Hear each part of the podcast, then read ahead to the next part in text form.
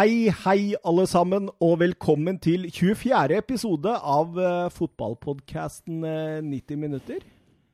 Hei, Mats. Hei, Thomas. I dag har vi vært så heldige og fått med oss en gjest nok en gang. Nok en gang. Til uh, din høyre side så sitter en kar som har meget god peiling på tysk ball. Ja, det hva skal vi si, implementerer oss bra. Ja, det gjør jo det. Så det, Rune Midtskogen, åssen går det? Jo, tusen takk. Takk for at jeg får være her sammen med dere. Ja, og lære litt ball og snakke litt ball. Det er jo det morsomste du gjør. Det er det morsomste du gjør, også for å snakke om den kuleste ligaen av alle, Bundesliga. kuleste? Så jeg kan, jeg kan, nesten slenge meg på den, jeg. Jeg er en av de kuleste ligaene. Jeg sa at det er den Etter vi begynte med podkasten her, så er det den ligaen som har vokst mest på meg, sa jeg. Ja, ja. men ja, jo, jo, ja, jeg er enig. Men jeg, jeg, jeg tror fortsatt Premier League er kulere. Ok. Snakkes. Han vil ikke ta diskusjonen. ja, men Rune, du har jo spankulert rundt omkring i Berlins gater mang en gang.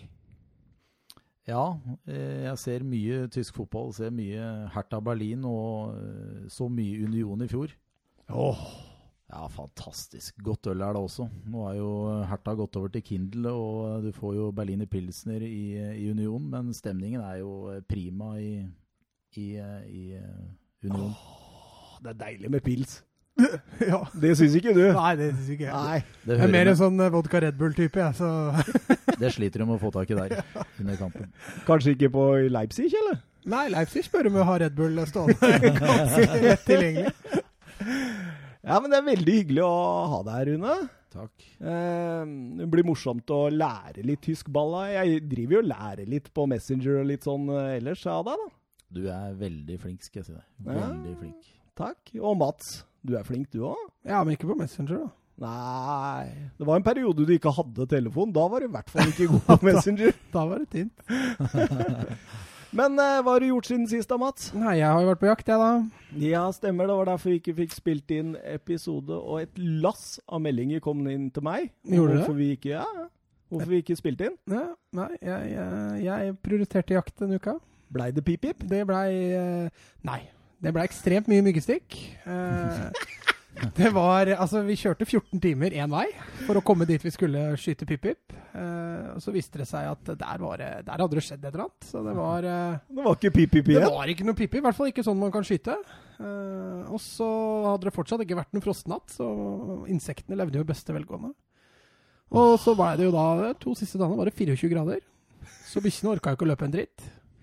Så da blei vi enige om at nei, vi drar hjem litt før, for det her blei bare tull. Så da kjørte vi 14 timer hjem igjen nå, uten så mye som en fjør i bagasjen. Du veit, Rune, at Mats han har en hund som en fuglehund som ikke veit hva pip-pip er enda, omtrent, tror jeg. Jo, Pip-Pip veit hva han er. Han, han, han veit bare ikke hvilken Pip-Pip han skal ha. Den er lei, men da er det litt å jobbe med. Ja, så når vi først drar på jakt, så er det fuck meg ikke noe pip-piper å finne heller. Så. Men det ble mange fine turer i skogen. Eh, og så var det jo så varmt. så Det nytta ikke å ta pauser heller, for da ble du spist opp. Så det var eh, Nei, fytti rakkeren. Ja, skal jeg si deg hva jeg har gjort den siste tida? Få høre. Siden du ikke spiller meg opp, mener jeg. Nei, nei, høre. Hva har det du hørt den siste ja, tida? Ta tak, i Mats. Nå skal jeg fortelle. nei, du skjønner det at jeg har flytta inn til svigermor og svigerfar. Ja, men det har du jo sagt. Ja, wow. Men ikke til uh, folket. Åssen er det hos svigermor og svigerfar? Ja, det er jo som å bo på hotell, da. Ja, er det? Ja, ja, er det frokost og Nydelig. Du skjønner, jeg pusser opp to bad, skjønner du. Der er det ikke nødvendig å bo nå, for å si det sånn. men veldig hyggelig. Eh, God plass og fine omgivelser helt øverst oppe i, oppe i dalen her. Det har utsikt over deg, faktisk. Oi. Ja, ja jeg skal stelle meg på terrassen og vinke. Så for ja, ja. Bare ha på deg klær, så er jeg fornøyd. kan ikke love noe. Eh, skal, vi, skal vi rusle videre, snakke litt om uh, vår sponsor i uh, denne såkalte storpuben på Oslo, S? Sentral sådan? Sentralpuben. Eh, fantastisk sted for alle. Vi anbefaler den.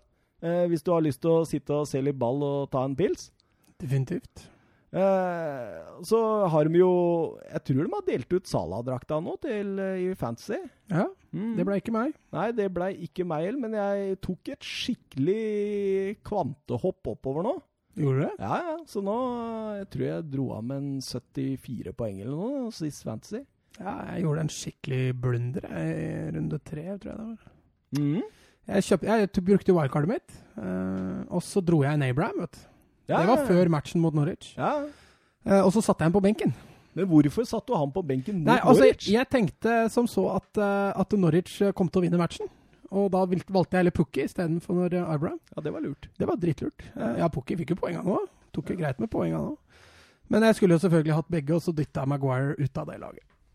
Rune, har du spilt fantasy noen gang, du? eller? Nei, det er dårlig med det, altså. Fins det ikke fantasy i Bundesliga, eller? Du må jo gjøre det. Jo, det gjør det, men jeg spiller ikke.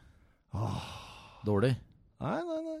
Jeg tenkte jeg skulle eh, se hvem som eh, leder eh, 90 minutter-ligaen her nå, jeg, eh, Mats. Ja, det er ikke meg, i hvert fall. Men eh, Nei, du Jeg skal se hvor du ligger òg, for å si det sånn. Nei da, det er ikke så viktig. Ta den som leder, du, altså. Nei, men er, du- er du så langt ned, da? Nei, jeg tror faktisk jeg er under midten, for å være helt ærlig. Ja, skal vi se. 90 minutter-ligaen. eh, Robin Isaksen er arbeidskollega. Oi. Ja, han leder med 280 poeng, men som jeg sa, jeg dro oppover og ligger på åttendeplass i vår interne liga. Eh, Mats, du Du ligger under samboeren min nå, du. Ja, nå måtte du scrolle langt, så. Ja, ja. 42, faktisk. Jeg sa jo det, at du var ikke nødvendig å prate om dette. Av 48! Snakkes. Oi, oi, oi, Mats. Og du kaller deg ekspert? Jeg har en jobb å gjøre. Det er godt jeg sitter her, for å si det sånn. Eh, nei, skal vi bare kjøre i gang musikken og eh, sette i gang programmet? Vi har et uh, fullstappa program. Ja.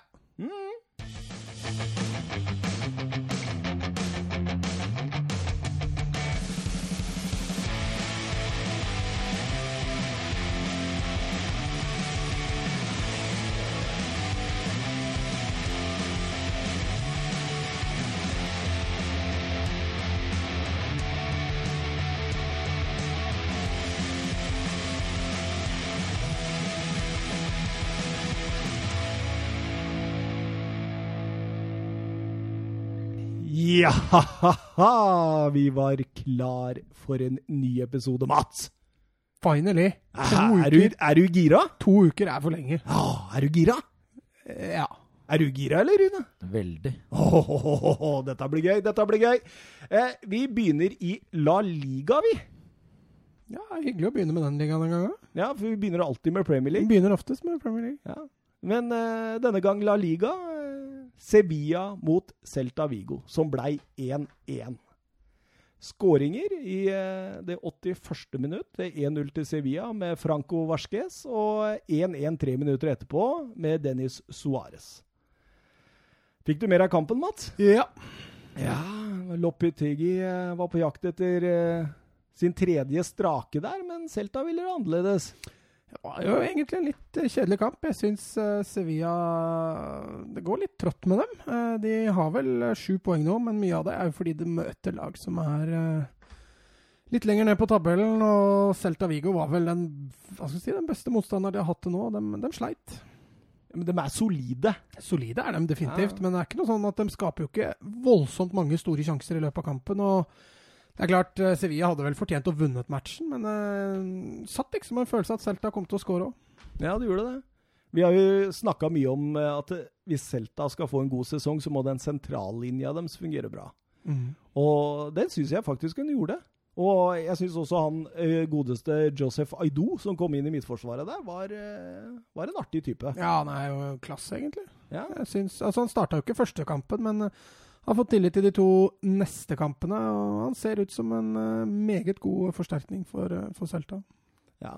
eh, Men Sevilla begynte der med et sånn skikkelig høyt press. Det var, Ja da, de- det var gegenpress, Rune. Det liker vi. Ja. De ville ut og sjokkere litt, men, men de klarte ikke å trenge et gjennom. Altså, de hadde jo jeg vet ikke, de hadde 19 avslutninger totalt i matchen, tror jeg, men, men ikke så mange av dem på mål. Og nei, de sleit, de sleit litt med å skape de store sjansene. Du veit de første 20 minuttene av kampen så hadde de 83,6% ball. Mm. De stoppa vel på noe sånn 65 eller noe sånt, så de hadde jo klart mest ball. De var godt over 30 grader i Andalusia òg, så de, de Det holder, holder jo ikke det der eh, Var det 29? Det var drikkepause underveis, var det jeg skulle si. Ja, Det var 29, Jeg var ikke der, jeg, så jeg vet ikke hvor det var. Men Eh, men eh, Ja, Luke de Jong, eh, hva syns du? jeg har fått en litt rå start. Ja, Jeg er ikke overbevist noen. Har, har vel ikke skåret noe mål ennå ellers. Svær, hengslete type.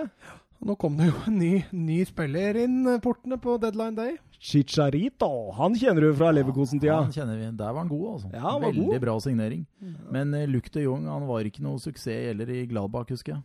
Nei, han var ikke det, nei. Nei. Bare vært god i PSV. Ja. Veldig god i PSV.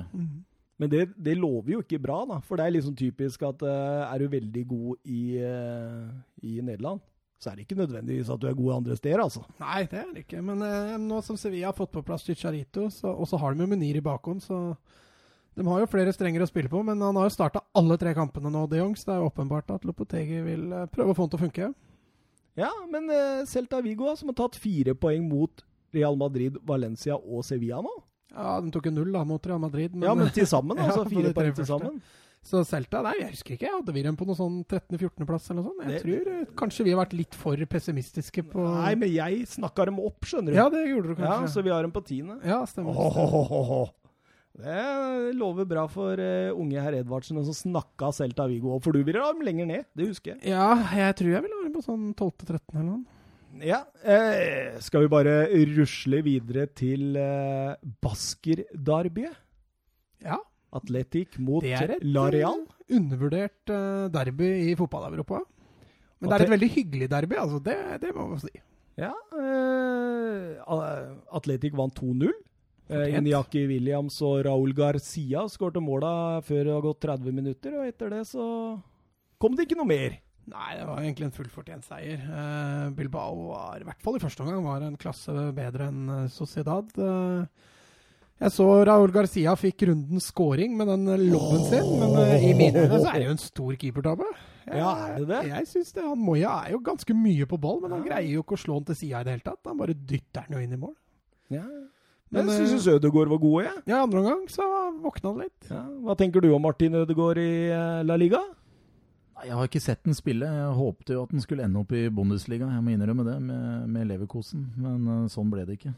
Mm. Men uh, Mats, du som følger uh, La Liga, her, han, uh, han som har blitt linka til Bayern München, han uh, Roya, er det ikke det? Rocca. Rocca, unnskyld. ja, Hvor, hvor, hvor god er han egentlig?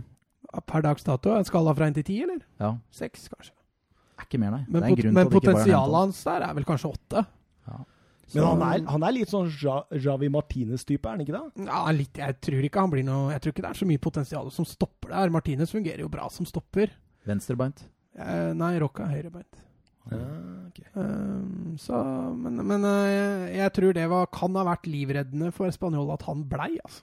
For uh, hadde han forsvunnet nå i tillegg, Mm. da tror jeg Spanjol hadde hatt en kort vei ned i Og det t- kan fort hende det blir veggen, ryggen mot veggen uansett.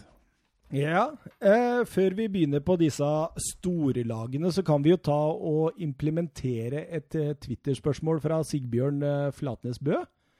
Han skriver Hva skjer i La Liga? Kun Atletico Madrid som leverer av topplagene, og det med et nødskrik? Den er til deg, Mats. Hva skjer i La Liga? Hva skjer i Hva skjer? Nei, altså det, hvis du tenker på topplagene, da. Altså Jeg syns jo Sevilla, med tanke på at de har eh, kjøpt 12, nei, 13 spillere er de oppe i nå, Mm. Eh, har fått en bra start. Sju poeng der er, uh, er helt OK. Men tror du han tenker på Sevilla? Jeg tror han tenker på Barcelona. Real Madrid. Skriver han ikke topplagene? Jo, jo. Og jeg regner Sevilla som ja, topp. ikke Real Madrid de sliter jo big time med, med skader. Det at Bale plutselig er blitt stjerne der, Åh, jeg elsker det. Jeg elsker det. Ren humor, egentlig. At eh, Vi tar, Bale det, vi tar Bale litt seinere. Ja, vi tar Bale litt senere. Men eh, nei, altså at Barcelona sliter, mye av det tror jeg skyldes eh, Lionel Messi. Du ser det offensive, spesielt på de to bortekampene, har vært, eh, vært nesten litt skandale. Uh, en Messi der tror jeg, i hvert fall en Messi i form, ville, gjort, uh, ville sikra flere poeng. Uh, ellers så, så ser man at Barcelona sliter veldig på bortebane med lag som, som legger seg litt lavere. Rune, du hadde jo fulgt litt med i tyskpresset hva de skriver om Barcelona. Ja, jeg har bare fått inntrykk av at det er en del uro. De, de skriver jo en del både om Real og Barcelona, selvfølgelig, hvor det er stor interesse. og jeg kan ikke dette godt nok, men eh, Barcelona har jo slitt eh, enormt i Champions League de siste to åra. I, I, hvert fall i forhold til målsetninger. Så jeg spør hva, hvordan er eh, Barca i dag? Hva er status? Hva føler du, Mats? Hvor, hvor, gode er de egentlig? Og det har vel vært et mentalt problem også, var i, var i fjor. Og de hadde når de nesten hadde vunnet på forhånd. Mm. Altså Den Liverpool-kampen i fjor altså, De kommer jo til semifinalen i Champions League. Ja. Eh, målsetningen var sikkert å vinne, men, eh, og skuffelsen var sikkert stor når de leder 3-0 fra, fra, hjemmekampen og så taper 4-0 på bortebane. Så er det klart det er score i gleden. Men eh, som du sier, så er det litt uro nå. Jeg leste sist også at uh, at det har vært litt, uh, vært litt, interne stridigheter der med at uh, Rakitic, Dembélé og, og, Coutinho og Semedo, som uh, i utgangspunktet ble forsøkt bytta bort med Neymar, og når den overgangen ikke gikk gjennom, så, så har det vært litt murring der. om det har noe å si for prestasjonen, det, det, er jo veldig vanskelig å tippe noe på, men hjemmekampen de hadde mot Betis forrige runde, var jo meget bra.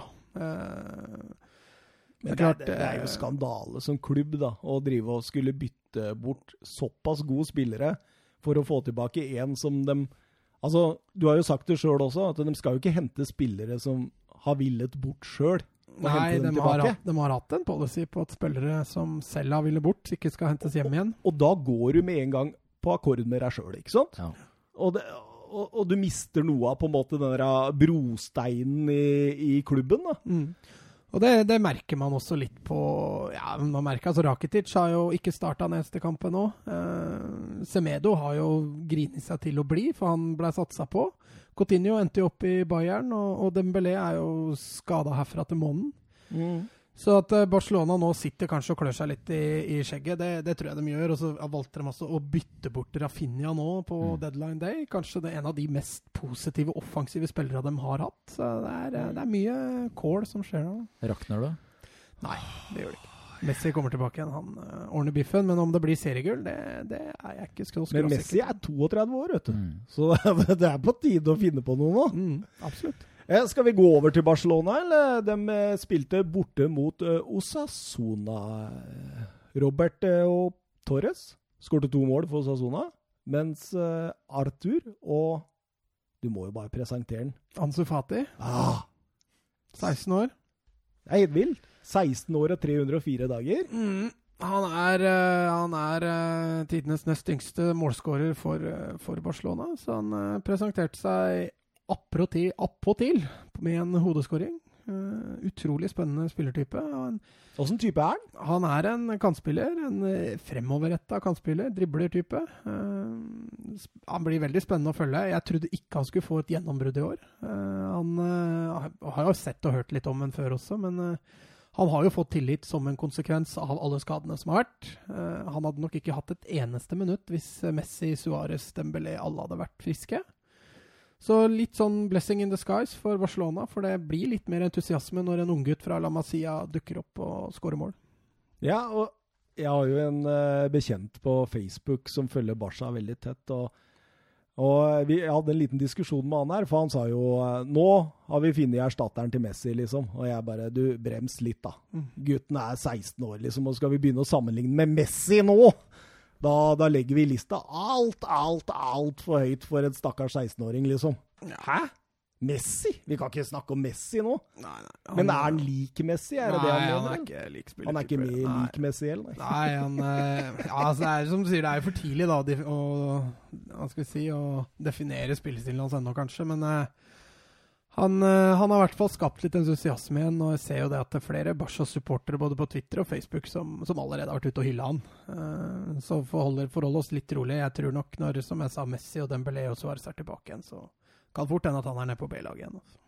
Men uh, Osasona hadde 25% position, men likevel var de kanskje nærmest å ta med seg alle tre poengene? Ja, men det skjedde et eller annet med Barcelona når de gikk opp i 2-1. Uh, eh, de tenkte da var matchen da var tre poeng i boks, og så ga de Osasuna mye mer uh, rom og, og, ball, rett og slett. Så det var litt, litt skuffende å se Barcelona nesten legge seg. er du bekymra? Altså Borteformen til Barcelona den, den, er skremmende, faktisk. Uh, den har ikke vært bra. Altså, de har møtt uh, At de taper borte mot Bilbao, det tror jeg er noe de kan leve med. Å tape poeng borte mot Osasuna det, ikke, det blir ikke lett å dra til Pamplona og plukke trepoengere for uansett hvilket lag som kommer der. Altså, det blir tøft, det òg, men eh, jeg tror nok Barcelona helst skulle sett at de hadde ni eller sju poeng, i hvert fall, etter, eh, etter de to-tre første. Du Rune, når jeg sier til deg en eh, trio på midtbanen med de Jong, Busquets og Roberto, og en eh, trio på topp med Rafinha, Grismann og Charles Perez. Syns du det høres krutt ut? Nei. Overhodet ikke, eller? Nei. Det er- Overhodet det ikke. Jeg tror ikke Barcelona kommer veldig langt i år i Champions League heller. Nei, du gjør ikke det, nei? Jeg tror det blir tøft. De har hatt to eh, dårlige år, og det, det sliter, eh, de sliter med et eller annet. Og det er treneren er jo Altså, han var jo nærme fyken uh, i fjor. Eller sist sesong. Ja, det var vel en, eh, en eh, klubbpresident og en sportslig leder der som freda han, eh, men det var mye, mange var Og Messi, eller? Ja, det var ja, spill, spillere også som, som ville at han skulle fortsette. Så. Men det var en del styremedlemmer og ikke minst mange tusen fans som ville ha han fjerna. Hvor god er de Jong? Ja, Ikke startet bra. Ja, han har ikke starta altfor bra, men potensialet det ser du jo ligger der. At uh, Han er kanskje en sjuer nå, så har han potensialet til å være en tier, tror jeg. Jeg tror i hvert fall han har Barca DNA.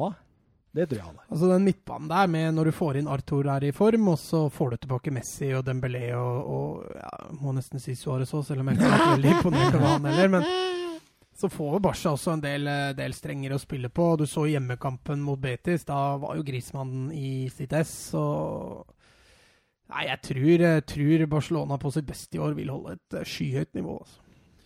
Skal vi gå videre til Valencia mot uh, Mallorca? Mallorca. Åh. Eh, så du trippelsjansen til Mallorca etter sju Ja, minutter der? Det er det morsomste jeg har sett. Altså. Han Sastre skyter, Sillesen re i retur. Bodemir setter returen fra fem meter i tverrleggeren På på åpent mål. mål, ja. Før Daniel Rodriguez får returen. Og klinker den rett i Garay over Jeg, jeg flirer av meg i hjel. Altså, det går av. Det er 300 %-sjanser som bare blir spolert. Ja, det er sånn Det er, litt sånn Hva skal vi si, sånn typisk nedrykkssyndrom. At du, du bommer på de, de sjansene der, altså. Men uh, samtidig, nå, etter det skjedde, så våkna jo Valencia litt, for de var passive ass, de første ti minutta. Det var ikke noe god Valencia-kamp. eller? Nei, altså totalt sett. Vi skal Nei. ikke hylle Valencia heller på noen som helst måte, selv om de vinner til slutt. Men eh, plutselig så våkna Valencia litt, og så dabba de av litt, og så våkna de litt. Det var ikke noe sånn voldsomt styrketegn i den kampen her for Valencia heller. Ja, De måtte ha to straffespark, og de to straffesparkene de satte jo eh, Daniel Parejo. Ja. Så da var det jo greit og tre poeng og god stemning. Jeg, jeg, jeg tenkte jeg skulle følge litt med han Ferran Torres i denne kampen. Eh, artig type, egentlig. Litt sånn lettbeint, eh, god balanse. Litt sånn artig type, egentlig. Ja. Jeg skjønner hva du mener Han når du eh, sier at han Han kommer til å bli eh, bra, han. Og så tror jeg han, eh, for hans del at han blir i Valencia. Han, Så litt sånn tofota, god teknikk. Ja, Han bra. var jo sterkt rykta til Bundesliga rett før overgangsvinduet stengte, men Oi. Åssen klubb, da? ja, Jeg vet ikke om du husker det? nei. Sikkert Det Leverkosen. jeg tror kanskje det Ah, var altså, Leverkosen eller et eller annet. Det kan godt hende. Men uh, ble blei jo Carlos Soler skada over lengre tid, og da ble, gikk det i vasken uansett. Atletico Madrid mot Eibar. Det holdt så vidt, det. Ja, de lå jaggu under uh, 2-0. 2-0 etter 20 minutter der. Ja. Jeg vet ikke om det var noe undervurdering eller noe sånt, ja, men uh, de Det så i hvert fall eh, grusomt ut. Eh, Simone tilbake i en standardisert eh, 4-4-2 med Felix og Diego Costa på topp. Ja, Morata har fått seg en trøkk, så han var ute med skade. Ja, absolutt. Jeg var ikke voldsomt imponert over Atletico i denne kampen, men eh, å snu 0-2 til 3-2 er jo alltid et styrketegn. Ja, eh, definitivt. Eh, Det jeg også stussa litt på, var jo, var jo byttene som ble gjort underveis der når eh, Atletico Madrid eh, trengte, trengte skåringer. Så bytter han altså ut Felix og uh, LeMar og setter innpå Ja, for så vidt Vitolo og Rodrigo er jo for så vidt offensive spillere, men han dytter altså innpå Thomas Partey, som er en defensiv spiller. Nå viste jo det seg at det er derfor han er trener der, og ikke jeg, da. For det var jo Partei som ble matchvinner på en nydelig scoring, eh, egentlig kampens prestasjon. Nydelig. Han kriger jo ballen i mål. Ja, men altså forspillet der, Ja. med satt opp en vegg, og så utnytter han jo feilberegninga til forsvarsspilleren perfekt før han eh, setter ballen mellom beina på keeperen, gjør han vel, altså i mål, så Hvor god er Felix? Potensialet er ti. Akkurat nå så er han veldig varierende, altså. Ja, det, er- også varierende i selve kampen. Ja, ja, ja, han altså, han blir helt borte, og så glimrer han til i kvarter. Mm. Så blir han helt borte igjen. Han er litt sånn, da. Enorme ferdigheter. Ja, Ja, altså, vi, altså Helt du, makeløst. du sammenligna han med Kaka tidlig, og det har jeg egentlig slått meg med på. At uh, han er en Kaka Mm, in the Kaka. making.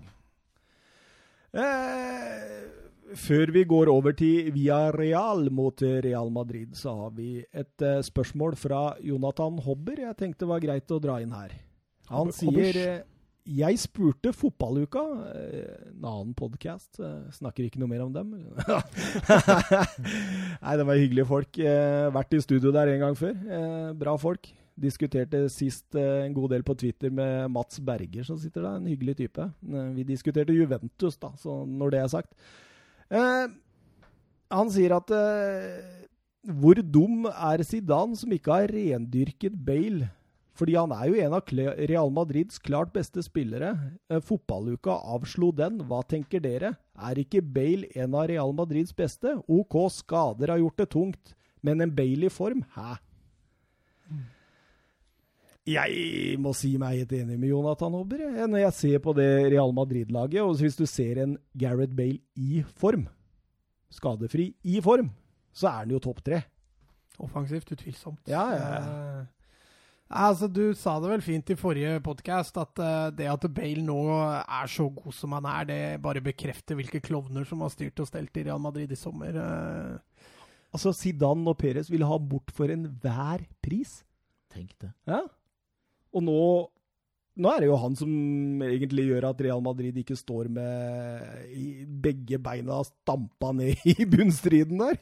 Det er det. Han eh, hadde På seieren mot Celta så var det han som var direkte involvert i to skåringer. I, i uavgjorten mot Villarreal nå sist, så skårer han jo begge måla til Real Madrid, så Nei, det er til å flire av, faktisk. Hvordan de har behandla han, og hva han leverer nå. Det er, det er rett og slett nydelig.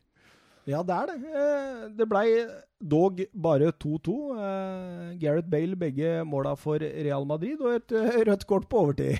Ja, det var vel i beste Zidane-ånd, var det ikke det kommentatoren sa der? At eh, han pre preger kampen stort og avslutter med et rødt kort. Så det er veldig kjedelig for Real Madrid å miste sin beste offensive spiller når de allerede har den skadelista de har offensivt. Men når det er sagt, så har de jo veldig mange strenger å spille på. da. De har vel ti offensive spillere, så Hvordan ser Jovic ut? Nei, han har eh, brunt hår. Jeg- jeg- Vet du hva, jeg har skrevet Jovic i notatene mine her. Fisk på land. Mm. Det ser helt grusomt ut, det jeg så nå. mot Men uh, assisten han hadde Jo, jo, men altså Det er ikke lett å slå inn i Real Madrid. Nei, absolutt ikke. Men, eh, men det er som, som Thomas sier, at eh, det er nesten når du så han i den kampen mot Villarreal, så begynner man å skjønne litt hvorfor Zidane ville leie han ut, hvis Ja. det er noe hold i de Ja, ja. ryktene. For altså, å spille med han sammen med Benzema, det funka ikke. I 4-4-2, faktisk. I 4-4-2. Det fungerte særs Det var helt flat 4-4-2 nå. Du veit jo Zidane, vet du, før han har eksperimentert med tre bak, Mm. med fire bak, og det var 4-4-2 og 4-3-3. Han, han blir jo aldri enig med seg sjøl nå. Han sliter voldsomt. Mm, og det, det gjør Real Madrid også. 1-1 forrige der igjen, mot, hjemme mot Valladolid. Det var, det var et meget svakt resultat. Eh, og så følger de opp med 2-2 borte mot Villarreal, altså El Madrigal, eller uh, Blir ikke et lett sted å komme inn til poeng, det heller. Litt sånn som Barcelona, men uh, store deler av kampen så er jo Villarreal fullt på høyde med, med Real Madrid. Ja, de strever i possession-spillet. De strever med enkle feil bak. Nå var det jo Ramos som ga bort eh, 1-0 der. Ja, og det, men du ser også de gjør mye feil i oppbygginga si, Real Madrid. Det er mye feilpasninger og kål, rett og slett. Og Kroos er ikke så god som han var heller. Nei, langt ifra. Ja, Men det har vi også vært innom her i podkasten før. Både Modric og Kroos ser jo nesten ferdig ut. Og ikke minst Casimiro. Han er, han, han er så dårlig at jeg er ganske sikker på han hadde slitt med å komme seg inn på de fleste topplaga i både Tyskland og England. Det er, det er jo Men han har liksom, der har han ikke noe særlig gode alternativer heller. Altså, du har en Fede Valverde, da. Altså, han kan jo selvfølgelig fortsatt spille med en flat firer på midten og kjøre Modric og Cross. Men Valverde var jo veldig god under han der ah, som var før eh, Zidane og Solari- Solari. Ja. Mm. Han bygde jo litt på Valverde og regionen og de gutta der, som faktisk gjør det ganske bra. Mm. Nei, jeg fatter ikke det der. Jeg kommer aldri til å forstå det Real Madrid-laget, og jeg tror nå nå er de på vei nedover. Altså. Nå må de finne på et eller annet spesielt. nå. nå Det er litt sånn Real Madrid òg. De venter på Hazard, litt sånn som Barcelona Barcelona venter på Messi. Og spørsmålet er hvor mange poeng de kan ta seg råd til å tape. For jeg, eh, altså Atletico Madrid de ser solide ut. Altså De vinner nesten hver kamp, men de spiller jo stort sett jevne kamper, uansett om de møter bra eller dårlig lag. Eh, Så lenge de fortsetter å vinne, og Barca og Real Madrid fortsetter å surre bort poeng, så, så kan det hende at det blir en liten luke der i løpet av ikke så lenge. Altså. Det er jo allerede fem poeng ned til Barca og fire poeng ned til Real Madrid.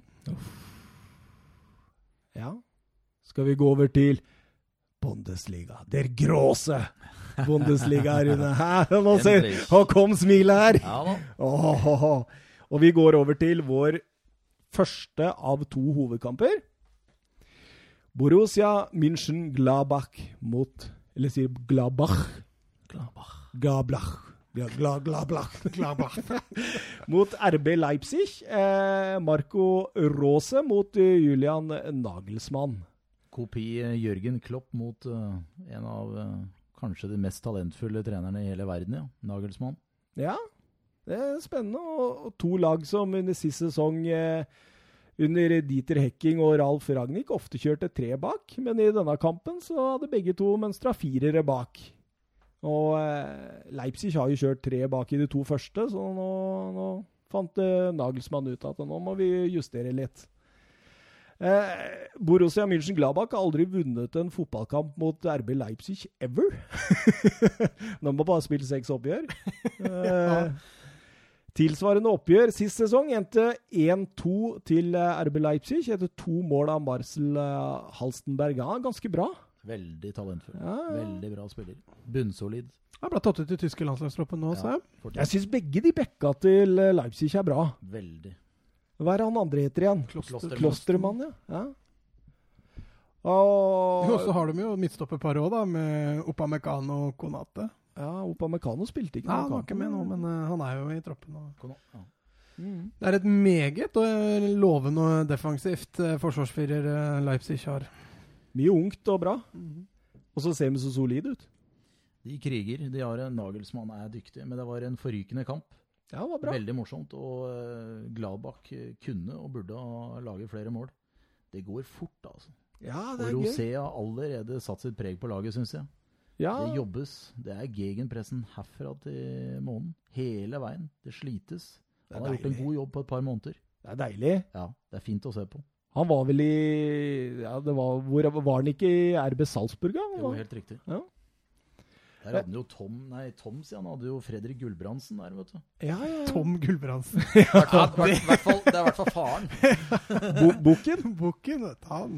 Eh, Borussia München-Gladbach inn 4-2-3-1 med Fabian Johnson og Brelem Bolio som en slags playmaker, og Markus Turam bak eh, Plea. Eh, så gleder jeg meg til å se Florian Neu Neuhaus, Ja, da. Han liker du. Ja, han liker jeg. Det er sånn min type spiller. Ja, Vi ble jo litt kjent med han under U21. Ja. eh, Absolutt. Og ikke minst Zakaria, som også er en eh, spiller som Kovac har ønska seg i Bayern. Ja, han har gjort det, ja. Ja. ja. Litt, ser litt uferdig ut, men råmaterialet er veldig bra. Rask, taklingssterk, enormt godt blikk. Ja. God spilleforståelse. Mikrofonen min driver og siger, Mats. Vil du jeg skal skru til? Den strammer den litt. Eh, RB Leipzig eh, spilte en eh, 4-4-2, eller 4-2-2-2, hvis du tar med at Forsberg og, eh, og han Salbitzer eh, går ganske høyt. Eh, Kevin Campbell og Konrad Leimer var sittende. Og eh, Werner og Paulsen på topp. Eh, Det er vonde å møte, Leipzig. Ja, det det, er det. jobbes iherdig med Campbell og Laimar der. Og Forsberg var strålende. Han har funnet litt tilbake til sitt eh, gode gamle etter et skadeavbrekk. Godt å se. Han, er, han har et enormt blikk og spilleforståelse. Han hadde et lite down-år i fjor, hadde han ikke Han det? Og så for året før, året før der igjen så var han jo meget god, og var jo ønska omtrent i hele Premier League. Han var det. Men eh, Werner og Paulsen er bra radarpar. Og nå Mm. er Werner i Det blir spennende å se nå hvor mye tillit han får i, i, i landskampene. Hvor Ja, ja, blir. snakka ned Werner i Ja, Ja, ja, ja. Du hørte forrige. Da snakker jeg Werner opp, og du snakker Werner ned. Jo, men dette er veldig spennende, for han har jo vært linka til Bayern nå i måneder. Han signerte jo ny kontrakt nå, forlenga med Leipzig nå rett før kampen. Ja. Uh, han har vel egentlig uttalt at han ønska seg til Bayern, det skjønner jeg veldig godt. Men uh, fem mål på første kampene. Tre første første Jeg må innrømme han har starta bra. Jeg må innrømme det. Og denne kampen her var han god. Veldig god. Også er- han bruker få touch. Det er rett i kassa. Rett på mål. Eh, når matchen starter, da, så starter eh, Gladbach-hjemmesupporterne å pipe intensivt hver gang eh, RB Leipzig har ballen. Eh, Nok en demonstrasjon mot Red Bull-systemet der. At de gidder. 19 minutter holdt de på, og det var voldsomt òg. Eh, den blei jo også utsatt for dette under på eh, Hva kalte du det? Altenrei? Forten Alten. Alten den første reia. Forsterei. Prost. Prost.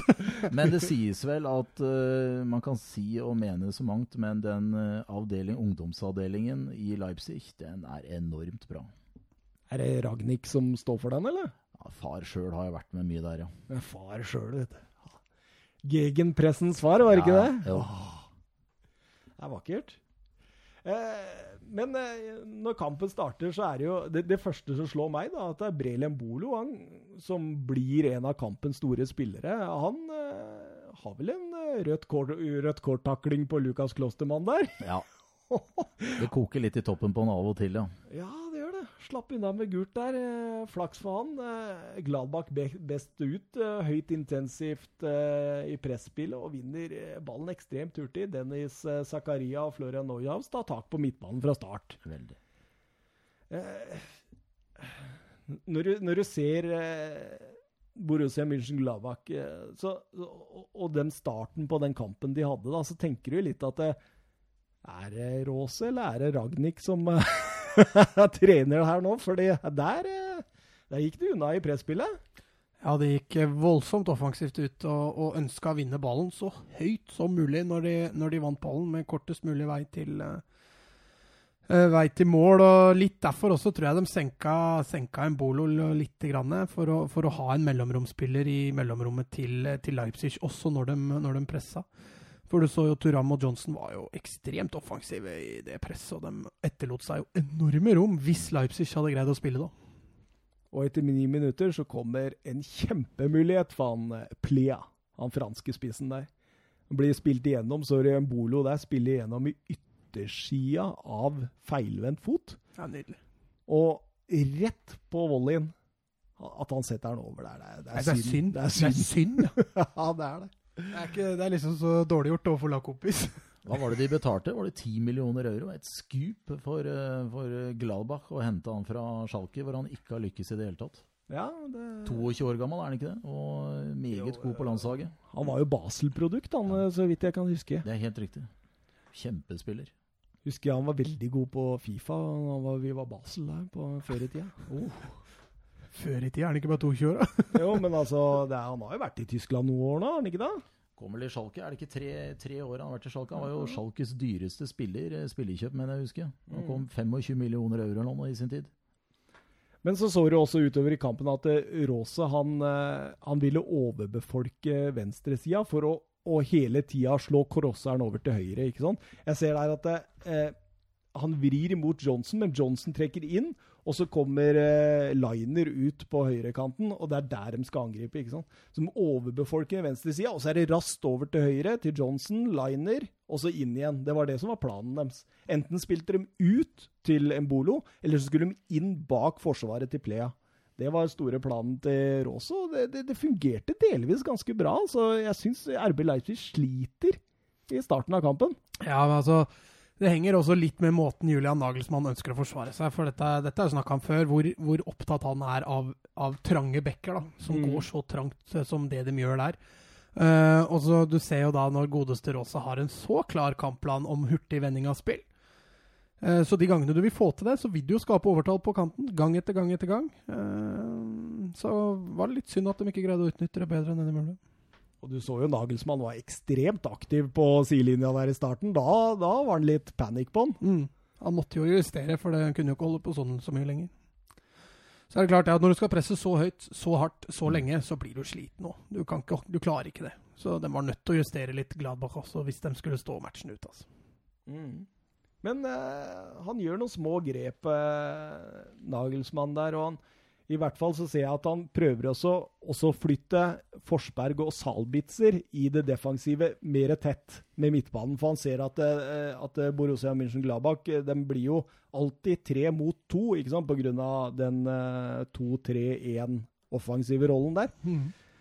Og, og når han flytter da inn Forsberg og Salbitzer og gjør den midtbanen smalere, så jevner kampen seg mer ut, da, kan du se.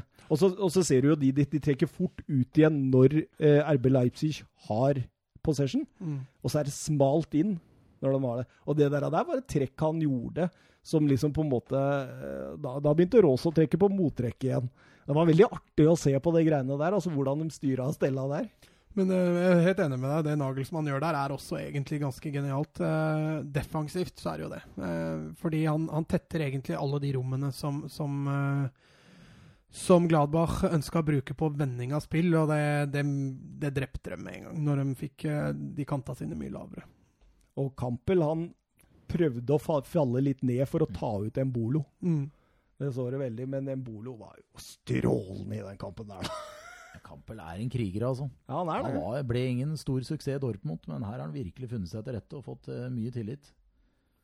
Ja, absolutt. Og så, og så sitter man da og tenker, underholder seg av det taktiske spillet. Det kommer ikke noe mål og sånt. Og så plutselig da så er Timo Werner igjennom. Hvem er det som spilte den gjennom der? Eh, var det Forsberg, eller var det Jeg, jeg tror kanskje det var Det var i Forsberg. hvert fall én assist. Ja, for det var, et, det var et vakkert gjennomspill. Og Ja, det var Forsberg. Det var så trangt, Ja. husker jeg. Ja. Uh, og så var det utrolig klinisk av Werner når han eh, setter den der, men uh, meget vakker skåring. det. Det var hans sjette mål på sju kamper mot Gladbach, faktisk. Så han, han, er, er ønskemotstander, ja. Eh, og den er hard for Gladbach og Rose, som helt klart hadde vært det beste laget i første omgang der. Mm. Og det ebber jo ut med 0-1 til Leipzig til pause. Og ja, hva, hva tenker man da som, eh, som trener? Som trener, spør du meg da? Ja, Siden jeg er trener, liksom? ja. Nei, altså, det, det, altså Akkurat når du ser, slipper inn et mål etter at du føler du er best, så er det jævlig bittert. Altså, du du, eh, du må bare gå litt inn i deg sjøl og så telle til ti, og så må du bare begynne litt på nytt. Så, men, men på det nivået der, altså Det er så mye tilskuere og sånn, du får ikke gitt noe særlig beskjeder, vet du, for gutta hører deg ikke allikevel. Så du må jo bare stole på at kampplanen du har lagt, inneholder også en plan hvor du havner under. Sånn at Ja, gutta veit hva de skal gjøre når de havner under. Uh, på det nivået hvor jeg er trener, så er det ikke noe problem å skrike ut og noen justeringer, eller uh, Det er ikke noe Ikke deg heller, eller Rune? Ikke akkurat. Du tok jo over jobben etter meg. Ja, det var vel uh, ti tilskuere i dag. Og de jubla når de andre scora? Eh, noe sånt. Men med det været som er over oss nå, så er jo ikke ti tilskuere så gærent, da. Nei da. Vi, vi får skylde på at vi er vant med å spille på kunstgress. Kunstgresslag, vet du. Gå, gå hurtig i lengder. Kunstgressgenerasjon. Ja. Eh, annen omgang, da, så, så får jo ikke publikum satt seg engang før eh, Timo Werner er alene igjennom nok en gang. Eh, Gladbach taper ballen ugunstig eh, med Fabian Johnson, og RB Leipzig kjører overgangen. Forsberg til Paulsen, så legger han igjen til Werner, som bare setter på turboen.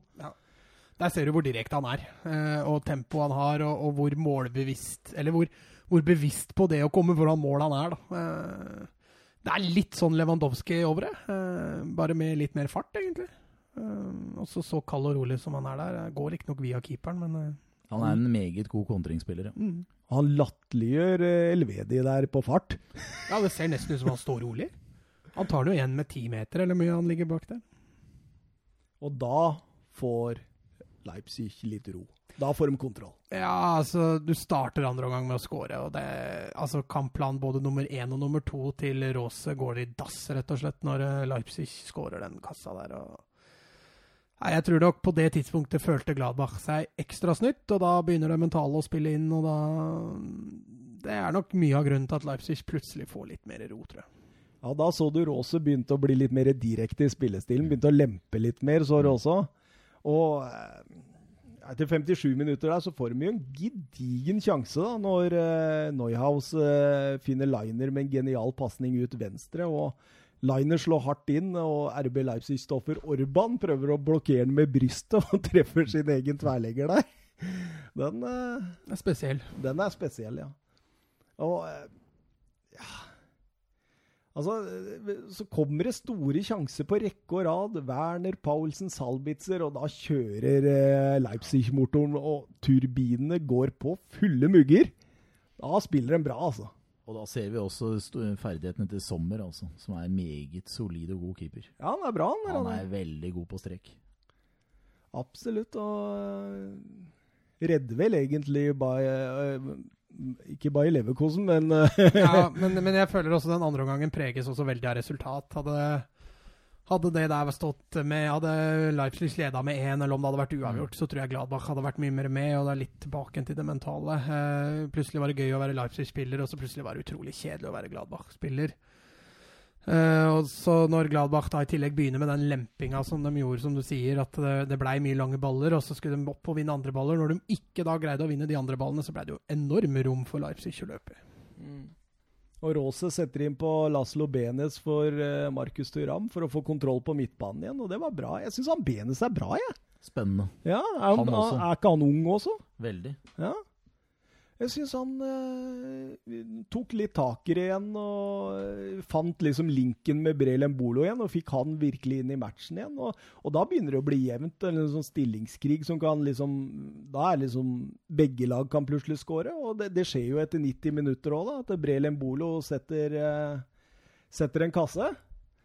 Eh, det er jo benet som slår det frisparket fra 45 meter eh, gjennom hele feltet på bakerste, der han har løpt seg fri og setter ballen i mål med hodet. Ja, det var Jeg eh, vet ikke om det var innøvd, men en fin, fin, fin, fin skåring. Ja, absolutt. Og, og, velfortjent, da, fordi Brelen Bolo var bra. Han var god. Ja, det er godt, godt, gjort av Benes, vi må jo si det, etter å ha spilt ja. for Kiel i fjor i Sveite Bundesliga, et lag som havner sånn ja, midt på tabellen. Godt gjort å komme inn og ta nivået. Ja, Hvor gammel er han? 1920? Ja, lurer på om han er 2021, faktisk. Ja, han er blitt Slo Slovensk eh, landslagsspiller, er han ikke det? Ja, han er, Jeg syns jeg så eh, Gladbach første kampen. Da imponerte han, for da spilte han fra start. Gladbach er jo en talentfabrikk, de ja, også. Absolutt. Og de slipper til unge talenter. Det var jo de som henta Torgan Hazard fra Chelsea i år, ikke sant? Mm. Mm. Mathias Ginter, fra, det husker jeg var en merkelig overgang. når de å... En veldig bra overgang. Ja, for, Glad, for Gladbach, utvilsomt. Ja. Men merkelig Imponerte ikke så mye denne Nei, i dag sleit han jo litt, da, men, men, han er jo på land, tyske landslaget. Og han, eh, han, solid. han var solid. Han var det jo i Dortmund òg, så det var rart at de slapp han. Ja, for det er jo en glidende overgang til treen der, hvor Ginter Det var litt det jeg altså hinta til. det, det var en timing. Det var fryktelig timing. Og Ginter han sender jo Werner gjennom alene mot Sommer for tredje gang i kampen. Det er egentlig den mest solide avslutninga han har òg, for der, den er jo ikke Sommer i nærheten av å ta. Nei, for de andre er jo ikke sånn voldsomt bra avslutninger. Veldig tett på Sommer. Ja. Men den her var jo klinisk. Absolutt. Men jeg sitter jo igjen med å føle litt for Borussia Mönchengladbach i denne kampen. Da. For overall så er de jo helt på høyde med Leipzig. Ja, altså Førsteomgangen til Gladbach syns jeg er meget, meget solid. Eh, andre omgang så er det litt sånn som du sier, den blir litt prega av resultat. og De får litt sånne paniske øyeblikk, og, og jeg føler Leipzig egentlig på 2-0 har kontroll på resultatet, selv om Gladbach eh, ikke er helt ufarlig. Skal vi dra fantasy-poenga, eller? Dra, du. Eh, Veit ikke, har vi introdusert deg for dem? Nei. Nei, det er sånn vi gir tre poeng til kampens beste spiller to poeng til nest beste og ett poeng til den tredje beste. Det, det tar du på stående fot. Ja, Da må vi i hvert fall gi Werner. Werner tre poeng? Ja. Ok. Nummer to, da? Embolo var veldig bra i første omgang. Ja. Så jeg lurer nesten på om vi skal gi han eh, to. Ja. Kanskje. Og, og Forsberg var også veldig solid. Samme var Campbell, men dette er, eh, dette er vanskelig. Men jeg står for det. Ja. Ja, det er lista mi, faktisk. Det er det, ja? Det er lista mi. Ja, jeg har Det er nesten lista mi òg. Jeg har Timo Werner på tre. Jeg har Brelem Bolo på to. Og jeg har Marcel Salbitzer på ett. Mm. Ja. Eh, Salbitzer syns jeg det handler litt om at han, han, er så god på å skape rom, og han bruker Han har en enorm motor. Løpskapasitet, så det holder. Ekstremt godt driv og, og, og drar eh, dette laget framover på en bra måte. Jeg var veldig imponert over Salbitzer. En spiller jeg faktisk ikke har hørt om før jeg begynte med denne podkasten. Mm. Han spiller hver kamp. Ja. Hver kamp. Også god på østerrikske landslaget. Kom han fra Salzburg òg, eller? Ja, selvfølgelig. Skal vi gå videre i eh, Bundesligaen og eh, Bayer Leverkusen mot eh, Hoffenheim. Jeg satt meg ned og så på denne kampen og tenkte her skulle jeg bli underholdt, men den gang ei, som man sier. Ikke voldsomt mye sjanser i den kampen der. Nei, men du hadde jo en artig cornerstatistikk, Rune. 19-0. Den er spesiell. Men det, skulle, det skulle jo egentlig tilsi enveiskjøring og masse mål, men Ja, men, men altså Det gikk jo ekstremt mye på langs, ikke sant? Altså, det, Dessverre. Leverkosen hadde 75 Mm. av ballen. Eh, men kom ikke til voldsomt mye. Alfred eh, Schreuder der, han hadde åpenbart eh, bedt laget om å ligge lavt, godt organiserte, og ikke få overganger på seg at all, men å ta overgangene sjøl. Det var åpenbart planen deres, da. Eh, Hoffenheim eh, svært disiplinerte og sto godt med gode avstander og frustrerte til tider Leverkosen voldsomt. ja, Leverkosen hadde jo nesten alle de offensive kanonene sine på banen samtidig der. eh. Og jeg diskuterte litt med Rune og så, og før kampen, nei, før kampen, sier jeg, la oss kalle det kampen, eh, sending, at eh, hvordan han Florian eh, Grilic lå på Kai Havertz hele tida. Det var, det var så mannsmarkering som jeg aldri har sett før. Og Havertz han ble ganske irritert. Han begynte å bytte og falt lavere og lavere for å ta, ta rom. da. Det var jo også et smart og fornuftig trekk, da, for Havertz er jo den mest kreative og, og hva skal jeg si, største bidragsyteren Leverkosen har offensivt. Så tar du ut han store deler av kampen, så sier det seg sjøl at eh, det blir vanskelig for Leverkosen. Jeg har skrevet her at det er nesten litt synd at Havert spilte en så anonym kamp når vi har besøk av Rune. For du er Havertz-fan. Veldig. Ja. Og så får vi håpe og tro at han havner i Bayern. Ja, du, du Han går til City eller noe sånt. Er, du. særlig det, liksom. Nei, når Lothar, Lothar sier at han kommer til Bayern, da kommer han vel til Bayern. Ja, for det sa han jo. Ja. Ja, det husker jeg. Det hadde vi her òg i podkasten. Ja. Men, men du har ikke noe lag i Tyskland, har du? Jeg har egentlig ikke noe favorittlag, men jeg må si at jeg har en liten uh, forkjærlighet for Bayern München. Og det er den uh, vinnermentaliteten. Ja. De kjemper egentlig bare mot seg sjøl. Hvert eneste år. Jo, tenk, tenk Da det. vinner man jo som regel, da. Det er godt gjort, det de gjør. De driver vanvittig god business, og de er flinke til å hente spillere og holde spillerne sultne. Noen nedturer er det, men de er ikke store. De er eh, blant de tre beste lagene i verden. Har vært i hvor mange år? Det er mange år. Ja, de har, men de har ikke noe særlig altså Dortmund blir vel kanskje en konkurrent, kanskje Leipzig. Men eh, Bayern er jo den største gjengangeren i toppen eh, i Tyskland. Og har vært det lenge. Peter Bosch sa etter kampen at, eh, at eh, det var den beste kampen de hadde spilt for sesongen. Mm. Det, det må, da må man mene defensivt, eller? Jeg vil tro det. Jeg så jo den eh, første mot Paderborn. Det var jo sirkus, det òg. Frem og tilbake. Men eh, dette er sånn klassisk eh, Bosch. Masse ball i laget. Og så har de en tendens dessverre til å slippe inn litt for mye mål. De slipper mye spillere framover. Det blir store rom bakover. Jeg er litt sånn usikker på Leverkosen. Bosch er en meget dyktig trener, men spørsmålet er om de klarer å tette igjen bak, altså. Og dette er en glidende overgang til Twitter-spørsmål fra Vebjørn Fredheim, eh, som spør eh, Nevn de tre beste taktiske trenere i Bundesliga, Rune. Ja. Godt spørsmål. Da må vi nesten ta med Nagelsmann. Ja, 32, men veldig smart. taktisk type. Ja. Ja. Så vil jeg si det er ganske jevnt tilbake der. Det er vanskelig. Jeg skulle gjerne ha sagt Kovac, men det kan jeg ikke si. Jeg sier Favre. Å? Ja. Meget dyktig, fotballfaglig dyktig. Taktisk, tja, vet ikke. Han Ja. er nok også det.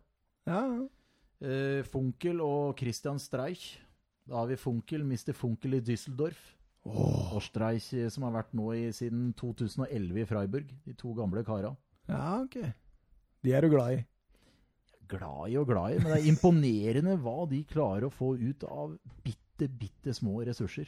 Ja. Så Lillestrøm bør ikke klage på dårlige ressurser i Eliteserien. Da er det bare å ta turen til uh, Düsseldorf og Freiburg. Ja. Syklende streist i trening. Men eh, hva skjedde med han? Det er Dominik Tedesco som var i, i Han også hørte man jo veldig mye bra om når han eh, leda Schalke der. Ja, Han tok jo, tenk deg, han førte laget til eh, andreplass. Ja. Og så ble det brått slutt. Og så er det ingen som har blitt tatt inn etterpå, eller? Nei, jeg tror det. Han eh, Jeg vet ikke. Det skrives veldig lite om han. Eh, Jeg vet ikke hva han gjør. Han gikk han gikk jo samme studie som eh, Nagelsmann, og begge to er jo toppkarakterer fra det trener, eh, trenerstudiet. Og det fløyt veldig det, når han tok over Schalke, og Burgstaller bøtta jo mål. De vant jo mye sånn 1-0-2-1. Eh, men han hadde ikke den eh, erfaringen. Han kommer fra Aue, hadde bare noen få kamper der før han ble til Schalke, og Schalke er jo en heksegryte. Det er ikke bare bare å komme inn der som trener. Nei. Det tviler jeg. Enormt press. Ja. Nei, det, det kan jeg tenke meg. Og det ble jo kjøpt inn spillere fra øst og vest. Med Heidel, som nå eh, faktisk fikk eh, Jeg hørte rykter om han fikk hjerneblødning på stranda i, i Tyrkia her nå. Oi. Ja. Da er det varmt. Eh, manageren som uh, handla hvor mange spillere ble til slutt? 20. Og nå klarte de å kvitte seg med det siste dødkjøttet her nå i forrige uke. Konoplyanka, er det ikke han heter? Han ukraineren? Ja, ja, stemmer det. Tidligere Sevilla-spilleren. Ja. Ja. Som ha, også Heidel skulle hente. Det er ikke bare greit. Jørgen Be Ready Nystuen, det er en fast lytter av oss. Han, eh, han starter eh, tweeten med 'Bundesligamannen'. Jeg regner med det er deg. Uff, å, såpass. Liker du Stix? altså, det er den Nutella-stikken til uh, Higuain. Eh, er du glad i Nutella? Nei, spiser ikke. Nei. Da, Jørgen, da fikk du svaret på det. Det Eh, i stedet. og snakk litt om talenter i Bundesligaen. Gjerne spillere som ikke har slått helt igjennom enda, men som vi vil høre mye om i framtiden. Og er Jogi Løv snart ferdig som trener for Tyskland, eller i så fall hvem tar over? Ja, det spekuleres det masse, masse om i tysk presse. Det blir det Jørgen Klopp. Åh, tenk det! Tenk det. Tenk det for Liverpool, da. Det hadde vært vil, vil det fungere? Er det kontrakt i 2021 han har? Ja, jeg tror det er 21. Ja. Og Løv har vel en kontrakt nå som eh, utløper rundt i tider. Jeg vet ikke. Vil Klopp gjøre seg som tysk landslagssjef? Det er spennende tankegang. Er ikke umulig at det skjer, altså. Men, men er ikke Jørgen Klopp en litt sånn type som er avhengig av å jobbe med laget hver dag for å få inn relasjonen og sånn? Det, er- det er veldig forskjell på det å være landslagstrener og klubbtrener, altså. Ja, jeg er enig med deg. Jeg er litt, litt eh, delt på det gjelder Klopp. Jeg tror han er veldig flink med spillere, sånn rent mentalt. Jeg tror han er utrolig flink til å prate med gutta og få dem til å svelge ideene sine. Som for så vidt er en positiv ting med, med landslaget, men uh, når du skal skape relasjoner og, og en såpass tidlig spillestil da, som han har, så, så lønner det seg å ha gutta på feltet flere ganger enn de to-tre gangene han får i forkant av en landskamp. altså. Skal vi høre litt om talenter, eller? Det er masse talenter. Å, er det det? Ja, og dere veit sikkert om mange, dere også. Vi kan noen. Og det er vanskelig å plukke ut, syns jeg. Og man kan jo ta Vi var jo innom både mm, Alexander Neubel, nye Neuer. Ja, ja. Selvfølgelig Han er en 90 minutter hit, han. Så det Ja, vi har allerede gitt den kallenavn, vi. Ja. Hva var det? Eh, Neubel? Neubel. Neubel, jeg tror. Og han havner også i Bayern, vil jeg tro. Han er ganske lik eh, Neuer i Ja, og han har jo vært linka allerede, så det ligger vel i kortet. Spørsmålet er bare når de henter han, tenker jeg. Mm. Og så øh, Vi har jo vært innom Klostermann i Leipzig. Ja, ja. Fin. Jeg har veldig sans for Amiri, som nå kom til øh, Leverkosen fra Hoffenheim. Hadde en strålende U21. Ja, han kom innpå i den eh, Ja, kampen, da. veldig, eh, som vi snakka om nå. Jeg har også hatt veldig sånn som Arne Maier i Herta. Uh, Arne Maier? Arne Maier? Er han Ja. så ung? han er vel nå øh, 20. Han har vel en, allerede spilt en øh, 45-50 Bundesliga-matcher. Føler jeg har hørt om han lenge. Ja, det er sånn med tyske talenter. De starter tidlig. Bytta inn som 14-åringer, vet du. Har han i Dortmund òg. Ja, han Moko Ja, han, eh, Moko. Ja, 14 år. Ja, dobbel hat trick, var det ikke, på U19 til Dortmund? Mats hadde en lang greie om han her. Fantastisk. Det er jo spennende å følge um, Wollschmidt nå, da, om han får tillit i, på landslaget. Etter Ja. bra U21 og, og sterk i Freiburg. Ja, han ble tatt opp, han. Han har vi snakka om også, ja. Fantastisk U21-EM. Fantastisk. Han leverer, han leverer jo også i Bundesligaen. Ja, sånn greit. Han spiller jo på et lag som ender eh, sånn ja, 10-12 rundt der, så det er godt gjort. Mm. Ja, absolutt. Har du noen flere, eller skal vi gå videre? Nei, jeg håper jo sånn eh, for eh, Bayern sin del, så har jeg jo eh, Håper jeg Arp eh, slår til, men det er jeg litt skeptisk til, altså. Jeg hadde veldig trua. Nå er han jo dratt ned på, på andrelaget og spiller i dritt i liga, og det lover ikke helt bra. Jeg eh, Dritt i liga, det er så bra. Dritt i liga, og så håper jeg Nå også spiller han i en drittliga. Det hørte jeg på jobben. Det er ikke noe håp for han. Og så var det vel litt håp nå. Nå ble jo Boateng igjen linka til Juventus rett før overgangsvinduet stengte. Mm. Og det var det litt sånn nytt håp. Kanskje Mai nå, eh, 19-åringen. Han har jo et enormt stoppertalent i Bayern. Som også spiller fast på, i dritt i liga på andrelaget. Blir får mer tillit. Men eh, Men vi hadde jo en diskusjon angående hvordan Bayern skulle konstallere Konstallere, konstallere er det det man sier? Konstallere. Konstallere forsvarsspilleren. mm. For de henta jo inn Hernandez. Han blei brukt som venstreback i Atletico. Nå har jeg sett han har blitt spilt som stopper i forrige kamp. Eh, Kimmich Er vi, er vi over i Bayern München uh, Mainz nå, eller? ja, ja, det Ja, kan- ok. kan- Vi er det. Ja. Bayern München Mainz, kom igjen. Og så har du Pavar, som var høyreback i, i Stuttgart. mm. Eh, som nå også ser ut til å bli brukt som stopper, men han spilte høyreback nå forrige kamp. Ja, var, hadde en Eh. elendig avklaring der som ble 1-0 til Mainz. var hans feil, men det retta han opp. Han var banens beste, faktisk. Han var bra. Han var god. Han er solid. Men eh, jo, nei, åssen de ønsker å konstallere den forsvarsfireren?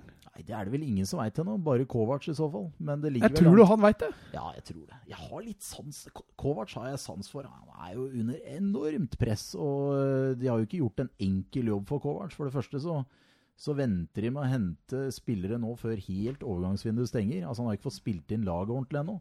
Eh, nå ble han jo kvitt Robben og Ribberi, som har eh, ikke Ble vært kvitt, altså. Ja, eller det, Jeg tror det var godt for Kovacen. Sendte dem på dør. Men, men eh, det blir, ligger vel an til tre bak, vil jeg tro. eh, med Hernandez og Sule og um, så får vel Pavard, tenker jeg. Og så Kimmichen var jo sekserrollen nå. Ja, jeg så dette. Ja, ja, Og der er han jo på det tyske landslaget også. Og så får vi vel en Alaba som en litt sånn uh, offensiv uh, back, vil jeg tro. Ja. Midtbanen eh, lukter jo svidd av, og spørsmålet er uh, hvordan han skal plassere Coutinho. Om det blir en tierrolle bak Lewandowski. Sånn som i den kampen her. Ja, Ja. Han, var, han er litt rusten. Ja, Ja, jeg syns faktisk Thomas match. Müller var god når han kom inn. Jeg, Müller, ja, ja. jeg, jeg syns ikke han er god, egentlig. Og så er du en av de mine favorittspillere er Tolisso. Fantastisk Ja, han har vi også skrytt av Han tidligere. er bra. Han er bra. Han er så god. Mm. Og, og tenk, mot Mainz så hviler han da Gnabry. Han hviler Tolisso. Han kjører inn med Perisic, som hadde en egentlig ålreit kamp. Han har vi Han har vi snakka med. har vi slakta før. Ja da, det, dere er ikke alene om å slakte Perisic, men han er, eh, han er vinnerskalle. Viktig å ha i gruppa, tror jeg. Og så kommer da ikke minst eh, Davies inn, da eh, 18-åringen fra Canada, og skårer sitt andre Bundesliga-mål. Og andre gang mot Mainz. Men eh, hva er oddsen for at når Bayern skårer seks mål, så skårer Lewandowski bare ett av dem? Og det tolv minutter før slutt? Godt spørsmål. Men det er jo også styrketegn for Bayern. Han fikk innhopp også, han Michel Michel Mm. Han fikk eh, innhold. Han har innhopp. Han har jeg hatt som ukas eh, talent. Og den hørte jeg, og det var veldig bra. Og han er spennende.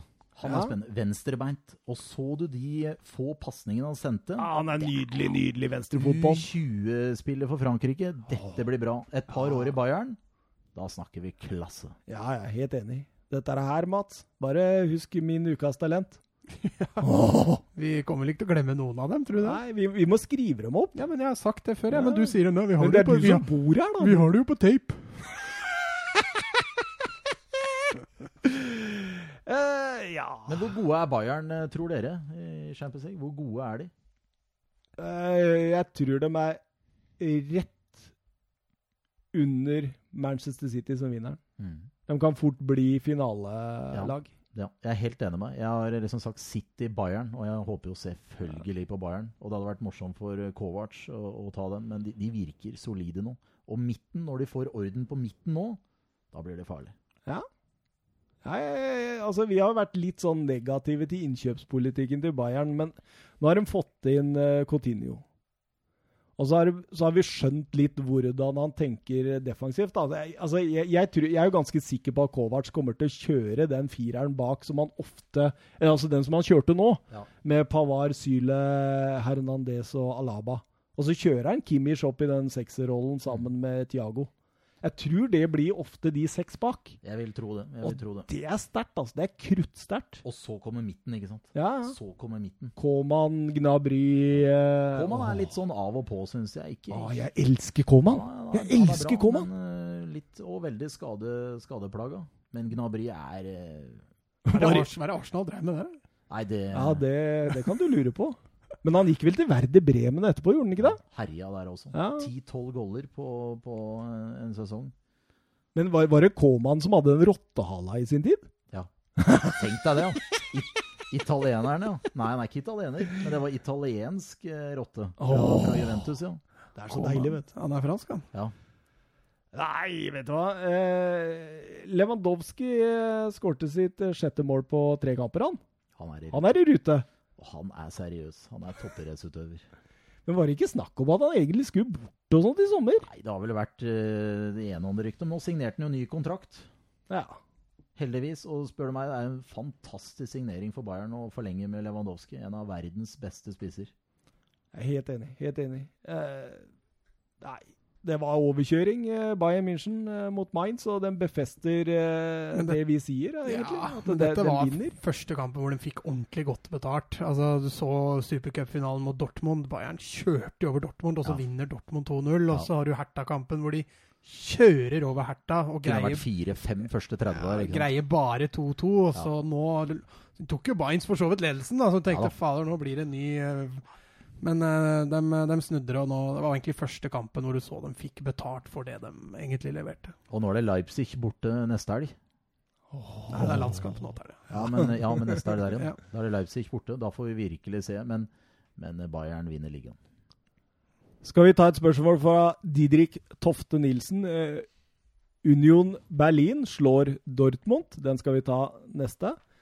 Hertha tar poeng av Bayern i første runde, og Paderborn uavgjort borte mot Wolfsburg, som allerede står med seks av seks mulig. Er Bundesligaen topp fem-ligaens svar på Eliteserien? Den syns jeg var litt fin. Der alt kan skje. Er det litt sånn at det er Bayern eh, som er stort sett solide, og så kan alt skje? Ja, det tror jeg. Og det er litt godt å se også at uh, Nå er det jo litt sånn Klart, Glasner, ny trener i Wolfsburg. Eh, ny filosofi. Eh, de er variable. Det er masse lag rundt på midten der som er ganske jevngode. Så det vil eh... ja, altså, altså, sånn, Et godt tegn på at ting er ujevnt, eller ujevnt, at ting varierer veldig, er jo at det er kort altså Forskjellene på lagene er ikke så store. Og det er det jo, for å sammenligne med Tippeligaen eller Eliteserien, er jo det at det er ikke så stor forskjell. Du har de to-tre i toppen, og så er det ganske jevnt under. Og så er det ikke så stor avstand helt ned til bånn heller. Og da får du jo litt sånne flakseresultater. Mm. mm. Flakseresultater. Men det er jo, som jeg var inne på, altså Bayern burde jo ha vunnet egentlig alle kampene sine til nå. Vært litt uheldige. Eh, Dortmund mot Union Berlin de fikk eh, overraskende nok eh, trøbbel. Altså. Og tenk, ja. Union løp sju kilometer mer enn Dortmund. Det var ikke bare fansen, det var spillere òg. Ja. fansen løp sju kilometer lenger. ja, men tenk, tenk Og Favre jo, gikk jo helt i kjelleren etter den kampen, virkelig. Og det har jo vært skriverier nå i ettertid på at nå må, nå må spillerne gå i seg selv. Og dette så vi litt på Dortmund i fjor også. Det var en forrykende høstsesong, og så ble det mye kluss og tull. Ja, de fikk jo et stort forsprang i fjor, eh, som de surra til på våren. 5-0 til Bayern i den avgjørende kampen. Mm det var jo to forskjellige verdener mot hverandre. Ja, har vært skriverier om Dortmund er bra nok trent, da? Var det det du mente? Nei, det er jo, det er jo nå, nå, er det ja, ikke godt nok trent med at spillerne må gå i seg sjøl. Altså krigeren. De, de henta jo Witzel, ikke sant. Den, den, krigeren på midten. Først var det Delani fra Veide Bremen, så har du Witzel som kommer inn, ikke sant. Og så har du Marco Roy som skal styre, men, men Og så fikk du noe Hummels. Veldig smart av Bayern å, å selge Hummels, som ikke er god nok. Oi, går, den har jeg, ikke vi hørt før. Jo, jeg, vet du hva? Jeg har også skrevet i notatene mine her, skjønner du. Her har jeg skrevet eh, Men jeg veit ikke hvor jeg har skrevet det, men jeg husker jeg skrev det. fordi jeg, når jeg satt og så på kampen, så skrev jeg det at eh, Hummels viser vel i løpet av den kampen der egentlig hvorfor Bayern solgte den. Ja, men Bayern er smarte. Og Bayern selger de de ikke har bruk for, og, og henter eh, de smarte og gjør de gode kjøpene. Og da er sånn, Første halve sesongen i fjor var Hummels en av Bayerns aller aller svakeste spillere. Han er temposvak. Han har god pasningsfot, men han gjør for mye feil, rett og slett. Han er flink med ball, men han har blitt dårligere til å forsvare seg, syns Ja, jeg. ja og, og tida er litt, litt forbi. Ja, jeg skjønner på en måte han skal hjem. Det er sånn klassisk Watschke i, i Dortmund. De skal hente tilbake. De skulle hente Mario Götze, ikke sant? Super Mario. Og så skal de hente tilbake Hummels. Litt som da Sheffield United henta tilbake Phil Jagielka. Ja, men vi hylla jo Hummelskjøpet litt i sommer. Ja, jeg gjorde det, men så satt jeg jo med Vi, og sa jeg. ja, Jeg ja, sa jeg- ikke deg. ja, men, så satt jeg og så på den kampen her nå. Og det, jeg syns han ser så ekstremt usikker ut defensivt. Det har du helt rett i. Ja, Men var helt- når var Hummels på topp? Det er noen år siden, folkens. Ja, det er det. Ja, det er noen år siden. Ja, han har ikke hatt noe sånn superopphold i Bayern. Han var vel Beste sesongen han har hatt, var vel i Dortmund, Ja. før han dro til Bayern. Under Jørgen Klopp. Mm. Og så sier de jo også at uh, det var jo masse styr etter den overgangen, og det er litt sånn at Kovac uh, sa jo på en pressekonferanse at Hummels ønsket å gå pga. den sterke konkurransen i Mm. Bayern. Etter at Hernandez kommer inn. Og han tror jeg blir en virkelig stor suksess. Men denne kampen da var en 26-åring fra Ibbenburen i Steinfurt Landskreis i Nordheim, Vestfalen, Tysken din er fantastisk. som opplevde sin største dag på fotballbanen noensinne. Marius Bylter, som nå er på lån fra Magdeburg, hvor han skåra fire mål på 32 kamper i andre Bundesliga sist sesong. Senka omtrent Dortmund-stjernene på egen hånd. Spilleren som før sist sesong ikke hadde spilt høyere enn nivå fire. Tenk det. Tenk det! Det er sjukt. Det er sjukt. Og jeg så på heatmappet hans. Han var overalt på banen. Han var ned, til og med ned og dekka rommet til Sancho. Det er som jeg snakka om før sending her, at eh, du så det at eh, Julian Brandt trakk inn. Hakimi kom ikke rundt, så alt skjedde på høyresida. Jeg så i tyske aviser, så, så, så eneste de ga godkjent, var egentlig Sancho. Eh, resten var liksom på sånn helt bånn i bøtta.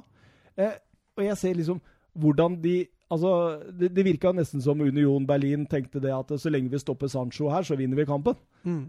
Så det, det, det jeg, jeg, jeg, var helt makeløst å se på, altså. Kanskje man skulle tatt med Fischer også, sveitseren, som en av de beste taktikerne. For dette var en utrolig god taktisk gjennomført kamp av Fischer. Ja, han leverte han, Altså, han vaska gulvet med Favre. Ja. Absolutt, altså.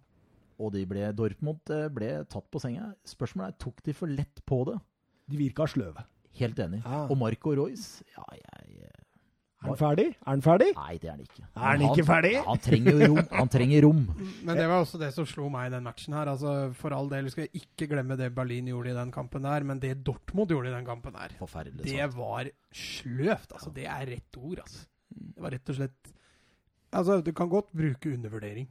Altså, det er som du sier, Jeg vet ikke om du skal inn på det nå, ja, men, men å tippe det resultatet på forhånd, det tror jeg det var ingen som tippa riktig. Nei, Nei, for jeg skrev jo en melding til deg, Rune, at Mm. hvis ikke Dortmund vinner denne kampen med minst tre mål, så skjønner jeg ingenting. Nei, det skrev du. Men tenk, tenk litt sjøl, som vi har snakka litt om med de, de tyske vennene mine fotballinteresserte. Så sier vi når du lander da på, på, på Tegel, da, og så skal du sette deg på bussen. Og så skal du ikke kjøre til Olympiastadion. Nei, du skal tuffe gjennom tre mil. Gjennom, og til andre sida. Og så skal du inn i Köpenick. Som er liksom ja, omtrent som Hagan. Det er skog og vann. Og så er det enda mer skog og vann, og det er arbeiderklassens uh, sted. Og der skal du da på den knøttlille stadion. Klart, det kan gjøre noe med deg også. Ja, ja, Ja, men altså, jeg tror ikke Dortmund-spillere også tenkte at hvis ikke vi vinner denne kampen med tre mål eller mer, så skjønner vi ingenting. Ja, det, Men det det- har vært det som har vært litt tankegangen i Det rett. Men det så du litt på der vi snakka om også med, med Bayern første 20 minutta mot Mainz. ikke sant? De fikk 0-1, og så bare Hva er det vi holder på med? Og så klarer du å skru om. Det klarte ikke Dortmund. Og det er litt svakheten til Dortmund. Og så er spørsmålet Favre har ikke vunnet én eneste tittel. Nei. Nei, nei. Klarer han å tilføre dette Dortmund-laget det? Sølvreven? Nei, i hvert fall ikke i Bundesliga. Kan ta pokalen, kanskje. DFU? Nei, DFB. Mm. Men uh, spennende. Uja, eks-LSK, starter jo. Ja, han. River og sliter og river og sliter. ja så Andersson. Eller Andersson, ja. Svensken, ja. ja. Ja, det var en nydelig mål, det 3-1-målet der. Ja, ja. Gå opp ballen på ett touch, og han står foran målet for pirka. Men, Han var veldig god i men, men så du hvordan Fischer eh, forsvarte seg hele tida? Han, Mm. han, han lot stoppera til Dorpo ta ballen. Mm. Og så de to sittende, vet du, som pleier å være Witzel og Weigel. Det Mm. var vel, Hvem var det nå? Delaney og Weigel, var det ikke det? Weigel og Delaney, ja. Eh, og så ga han full press på de, og så hadde han en flat firer bak, som lå og skjerma hele veien. Og så var det nærmest sånn dobbel dekning på Sancho. Og så, altså, Det forsvarte seg skeivt, for en visste det at altså, altså Favre kunne bare si til Hakimi han, at du går. Så tror jeg de hadde fått mye større sjanse, men han kom jo aldri. Nei, men hva er Favres plan B? Ja, det, det kan du lure på, da. Den, den så ikke jeg. Nei, men du så han sleit med å finne en plan A òg i den matchen. Ja, der. Altså, Han gjorde det. altså, plan A fungerte jo overhodet ikke. Og, Nei, Og har en- og en- Dortmund og plan B. og så en Brant. Vi har jo hylla det kjøpet, og vi, som et av årets store kjøp. Ja. eh, Venter jo fortsatt på at han skal Trekker jo bare inn i banen. altså. Ja, altså Han tar jo rommet til Royce også, når, når Union Berlin stenger sentralen totalt der. Så Men, men se opp for uh, Altså, Union har henta mye denne sesongen. Er det 9-10-11 spillere? Men én spiller man må se opp for, er Becker, altså. Er det ikke Bundesligaens raskeste? Er han ikke rundt på en 3-34? Jo, jo, det Er hurtig. stemmer. Ja, han er jo raskere enn Pierre, vet du. Var i Dortmund. Her snakker vi hurtigtog. Følg med, folkens. En fantastisk kamp. Raskere enn Aubameyangen, altså. Ja. Og Bolly. Bolly òg, vet du. Mattis Bolly, ja. Husker du ikke han var Fifas kjappeste Ja, spiller for et par år siden? Nei, Becker. Nydelig signering. Spennende. Artig, artig. Eh, skal vi videre til Schalke Hertha Berlin? Vi må jo snakke litt Hertha Berlin. Jeg har hele tida følt at du er Hertha Berlin-fan, Rune. Ja, nå, nå er det vel ingen av mine tyske venner som hører på dette her, for de skjønner det ikke. Så, eh, men hadde det vært det, så hadde jeg sagt selvfølgelig det. Ja, ja, Imme Hertha. ja. ja, ja. Og Hertha Berlin, de, eh, de, de, de skuffa vel litt mot Schalke, fordi Altså, jeg har jo sagt til deg, Rune, før at eh, hvor skal og jeg tror jeg har sagt det på podkasten òg, faktisk. At eh, hvor skal de Schalke-måla komme fra? Jeg kan ikke se hvor de kommer fra. Herta, da. Ja, og så er det de to første måla deres i Bundesliga. Det kommer fra selvmål. Mm. Og den eh, tredje fra høyrebekken som er innleid fra Everton. Han er spennende. Han er spennende. Ja, John Joe Kenny, ja. Mm, mm. Han, jeg husker han var så god for to sesonger siden i Everton, og så mista han helt når han eh, Silva kom. Eh, ja, hva, hva kan du si om, eh, om denne kampen? Wagner mot Ante Kovic? Ja. Nei, vi ser vel egentlig Altså, vi, vi ser en Herta uten plan, dessverre. Hva er planen? Det er vel det jeg sitter igjen med. Han ønsker jo å spille underholdende fotball. At det skal gå raskt. Han har mye hurtighet. Han har jo eh, Han har jo det dyreste kjøpet nå, Lucky, Luke, Luke Beakio. Ja, ja, 20 millionersmannen. Han har jo til og med David Selke på benken, ikke sant? Ja, ja, Og nå har han jo stemmer. henta Marius Wolff eh, fra, fra Dortmund på lån. Eh, ja, greit nok, var god i Frankfurt på, på, på kant. Eh, enorm suksess under Kovac. Ikke fått tillit til Dortmund, blitt brukt litt på bekken. Vi får se om han forsterker. Nei, jeg er spent på Herta. Jeg håper at de, at de ender eh, midt på, men det, det er ungt, ustabilt. Og det er noe annet å trene A-laget enn å ha vært på regionalliga i Ja, for han kommer kom rett fra Ja. egen Ja. Han kjenner jo disse unge gutta. Han har jo trent dem, eh, trent dem og sånn, men eh, Men du, Rune. Skal vi si noen ord om kampen til Niklas Stark, eller? den var ikke sterk. Det der er skjælmålet på 1-0, og, og så du når, når han holdt på å forære dem da han fikk ballen bakerst der? Altså, det er det verste jeg har sett. Jeg veit ikke hva han tenker på, men eh, altså, Schalke spiller jo igjennom. Og så er det kun Niklas Stark eh, som, eh, som er på ballen. Men så går han med ballen mot Jarstein. Og så akkurat som man forventer at Jarstein skal komme ut der, men Jarstein han bør jo ikke komme ut der, han. Og så, og så begynner jo Burgstaller å nærme seg. Og så bare han, han bare glemmer Det ser ut som en hjerneblødning. Det ser ut som Karius i Champions League-finalen mot Real Madrid. Det er fullstendig hjerneblødning. Og reaksjonen på Jarstein etterpå For Burgstaller, verdens mest ineffektive spiss, han blåser jo den ballen over, ikke sant? Og Jarstein, når han går ut for å hente den ballen han har et lite smil på lur, samtidig som han rister på huet, liksom. Så hva i alle dager skjedde der? Niklas Stark, mine damer og herrer. Er det vel bare han som veit òg?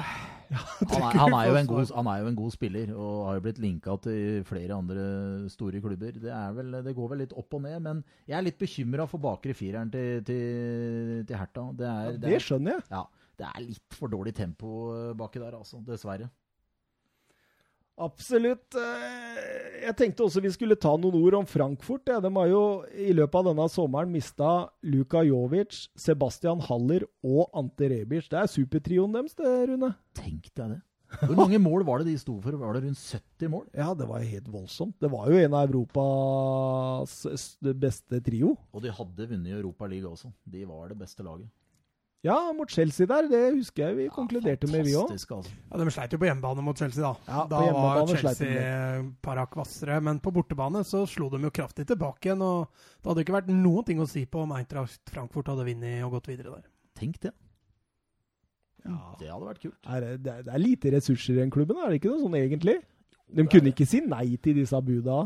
Nei, men det er jo noen sånne Haller nå han sikkert for 70 18 ganger så mye betalt eh, for å spille i en bakgårdsklubb i, i England, så, så, sier du ja til det.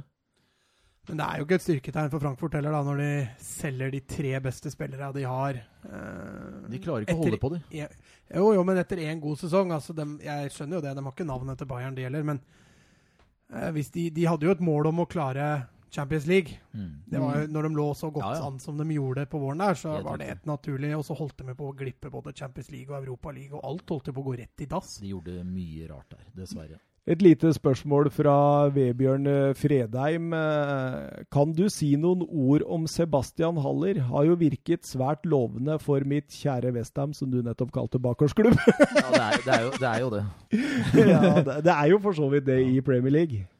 Nei, jeg kan ikke si så mye annet. Han hadde en fantastisk sesong i fjor. Bunnsolid. Men uh, jeg hadde også, hadde jeg vært sjef i klubben, så hadde jeg solgt den for en halv milliard, altså. Ja, det var jo da såpass. Var det ikke det han ble solgt for? Ja. Jo. Hadde gjort det, det Hva var det du sier? Ja. Hadde jeg vært han, så hadde jeg solgt jo, jo, for en halv altså, milliard. Men det er jo litt som man sier det i tyskerne, at det er en egen pris for Premier League.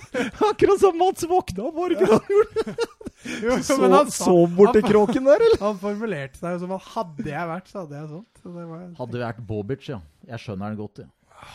Skal vi gå over til Premier League, eller? Er du klar for det, Rune? Ja. Kjør på. Ja, vi kjører på med Southampton mot Manchester United. Det ble 1-1, det! Daniel James uh, eh, 0-1 etter ti minutter, men Jannik Westergaard Han ville det annerledes. Han ville det annerledes. Uh, og som Altså, jeg hadde jo en veldig morsom Jeg tenkte den må jeg bruke på podkasten når jeg så det. Fordi det var jo dansken som slo svensken i lufta og gjorde nordmannen sur. Men så, hørte jeg, så, jeg, så har jeg hørt på x antall podcaster etterpå, da alle har brukt den. Ja, Så valgte så du, da, du valgte å bruke den allikevel? Nei, da bruker ikke jeg den. Eh, jeg skrev eh, til Mats uh, før kampen at her taper United poeng. Husker du det? Uh, nei, jeg husker det ikke, men du gjorde det helt sikkert. Ja, jeg kan bevise det. Nei, jeg bør ikke bevise det, men jeg gjorde det. Ja. Eh, og fikk rett. Eh, Ole Gunnar Solskjær valgte Mata og Pereira åpenbart for å få mer kreativitet inn, for han skjønte vel at her kommer vi til å spille mye mot etablert. Eh, men det er noe feil med det grunnspillet. Det har vi snakka om så mange ganger. Ja det er litt synd og trist å følge med på, på United. Eh, 11 mot 11 så er de så vidt det er bedre enn Southampton. Eh. 11 mot 10 er de nesten ikke bedre da, heller? Nei, det ble ikke så veldig mye bedre. Men, men da fikk de i hvert fall etablert et lite trykk da, eh, på, på, Southampton. Men det har også litt med at Southampton la seg. Eh, litt synd og litt trist for Ole Gunnar, som, som har begynt nå for alvor å slite. Men eh, har begynt for alvor å slite. Nå, skal jeg dra opp noe tall. I årets sesong, da. Jeg kan, jeg kan utdype det ytterligere. Nå skal jeg dra opp noe her. Altså, Ole Gunnar Solskjær har vunnet tre av sine 16 siste Manchester United-kamper. etter at Ole Gunnar Solskjær fikk jobben permanent, er det kun tre lag i Premier League som har tatt færre poeng. Og f.eks. Crystal Palace har ti poeng flere enn Manchester United under Ole Gunnar Solskjær. Bra fallskjerm her, altså. Åh, den, er, den, er, den er tung, men, men, men fin for meg, da, for jeg slipper å flytte til Sandnes. For dette er- Flytte? Det har vel aldri vært. det aldri noen som skal Jeg hadde en sånn veddemål. Sånn, jeg skal sykle til Sandnes hvis han sitter ut kontrakten. Nei. Det går unna på Nei, ut, ses Sesongen. ut sesongen. Men, han, men hvor lenge blir han sittende? Nei, til jul. Ja, Ja. Maks? Maks. ja. Blir julefeiring i Kristiansund, da? Ja, det, det, det, tror jeg nesten det kan bli, altså. Ja, det blir mye avhengig av de neste matchene. Nå har de vel Leicester hjemme, og så har de vel en Europa League-match. Og så kommer det vel noen toppkamper på rekke og rad etter det, så det blir en definerende periode Solskjær skal gjennom. Men det er kanskje i toppkampene de er best. Fordi da får de det rommet de trenger. Og country og sånn. Ja, ja. ja. det Altså, det er, det er, jeg tror United er et sånt lag nå som kan gjøre det bra mot gode motstandere. Og så kommer de til å feile veldig ofte mot dårligere motstandere. Eh, Se, denne sesongen så langt. Så Første kamp mot Chelsea. Det kunne fort gått annerledes. Chelsea var jo helt klart best i første delen av kampen, og, og hadde jo et stolpeskudd der, blant annet. Og jeg sa jo, det var jo når vi hadde eh, Ole Martin Nesselquist innom her, at eh, vi blei jo ganske enige om i studio her da at hvis Chelsea hadde tatt ledelsen der, så hadde den kampen blitt annerledes. Eh, andre kampen deres var brukbar førsteomgang mot Wolverhampton, men faller voldsomt utover. Og helt OK at det er et uavgjort resultat. Så kommer tredjekampen. Tap hjemme mot Crystal Palace. De har mye ball, og Palace ligger dypt. Nekter dem rom. Eh, da sliter United. Ble tap på overtid. Og fjerde uavgjort nå. Og det samme mønsteret igjen. De sliter mot etablert. Ja, og det er litt sånn motsigende. for- Altså, Ole Gunnar sier jo etter kampen at det er ikke noe formsvikt, det er et resultatsvikt. Uh, og til dels så er jeg enig i det. altså United har jo vært best. De var jo totalt sett best mot Southampton. De var totalt sett best mot Palace. Men de er ikke så mye bedre at uh, Hørte du Jermaine Gina si Match of the Day? Nei, få jeg. Nei, han kappa huet av Solskjær. Altså. Han sa at det, dette her er altfor dårlig, og det er ingenting av det Solskjær nevner i intervjuene som er i forhold til store sjanser og sånn, som er store sjanser. Dette er bleikt, og dette går rett ut. Ja, fordi han har jo de to brente straffene som han lener seg litt på. Og så er det jo, som, som, som han var inne på der, at eh, ja, United har kanskje vært litt best, men det har ikke vært, har ikke vært så ille sånn som han prøver å få det til å høres ut som. da, At eh, United nesten har blitt rana. Og sånn har det jo ikke vært. Nei, nei, nei. nei. Det er som du sier, altså de, de fortjente kanskje å slå Chelsea. De, de eh, fikk et OK resultat mot Wolves. At det var et uavgjort, var helt greit. Eh, at de tapte mot Palace, det, det kunne fort skje. For de var ikke så dominerende sjansestatistikk. Og at eh, de ender opp med 1-1 mot Southampton også, var, var ikke så mye å si på det heller. Nei, det er jo ikke det. Så han har fått en uh, forferdelig start, egentlig. Og, og Leicester hjemme i neste kamp bør bli tre poeng. Det er denne kreative indreløperne vi snakka om, vet du. Ja, er, men jeg veit ikke hvorfor det ikke ble noe av Bruno Fernandes. Det er rart. Rart. Eh, Chelsea, Sheffield United 2-2. Tammy Abraham med to mål for andre kamp eh, på rad. Eh, Callum Robinson og Kurt Zuma med et selvmål eh, rett før slutt der gjør at eh, Frank Lampard taper poeng i annen omgang igjen. Ja, Og det er vel kanskje litt det positive for Solskjær, er å se at også Lampard sliter litt med å avgjøre matchene.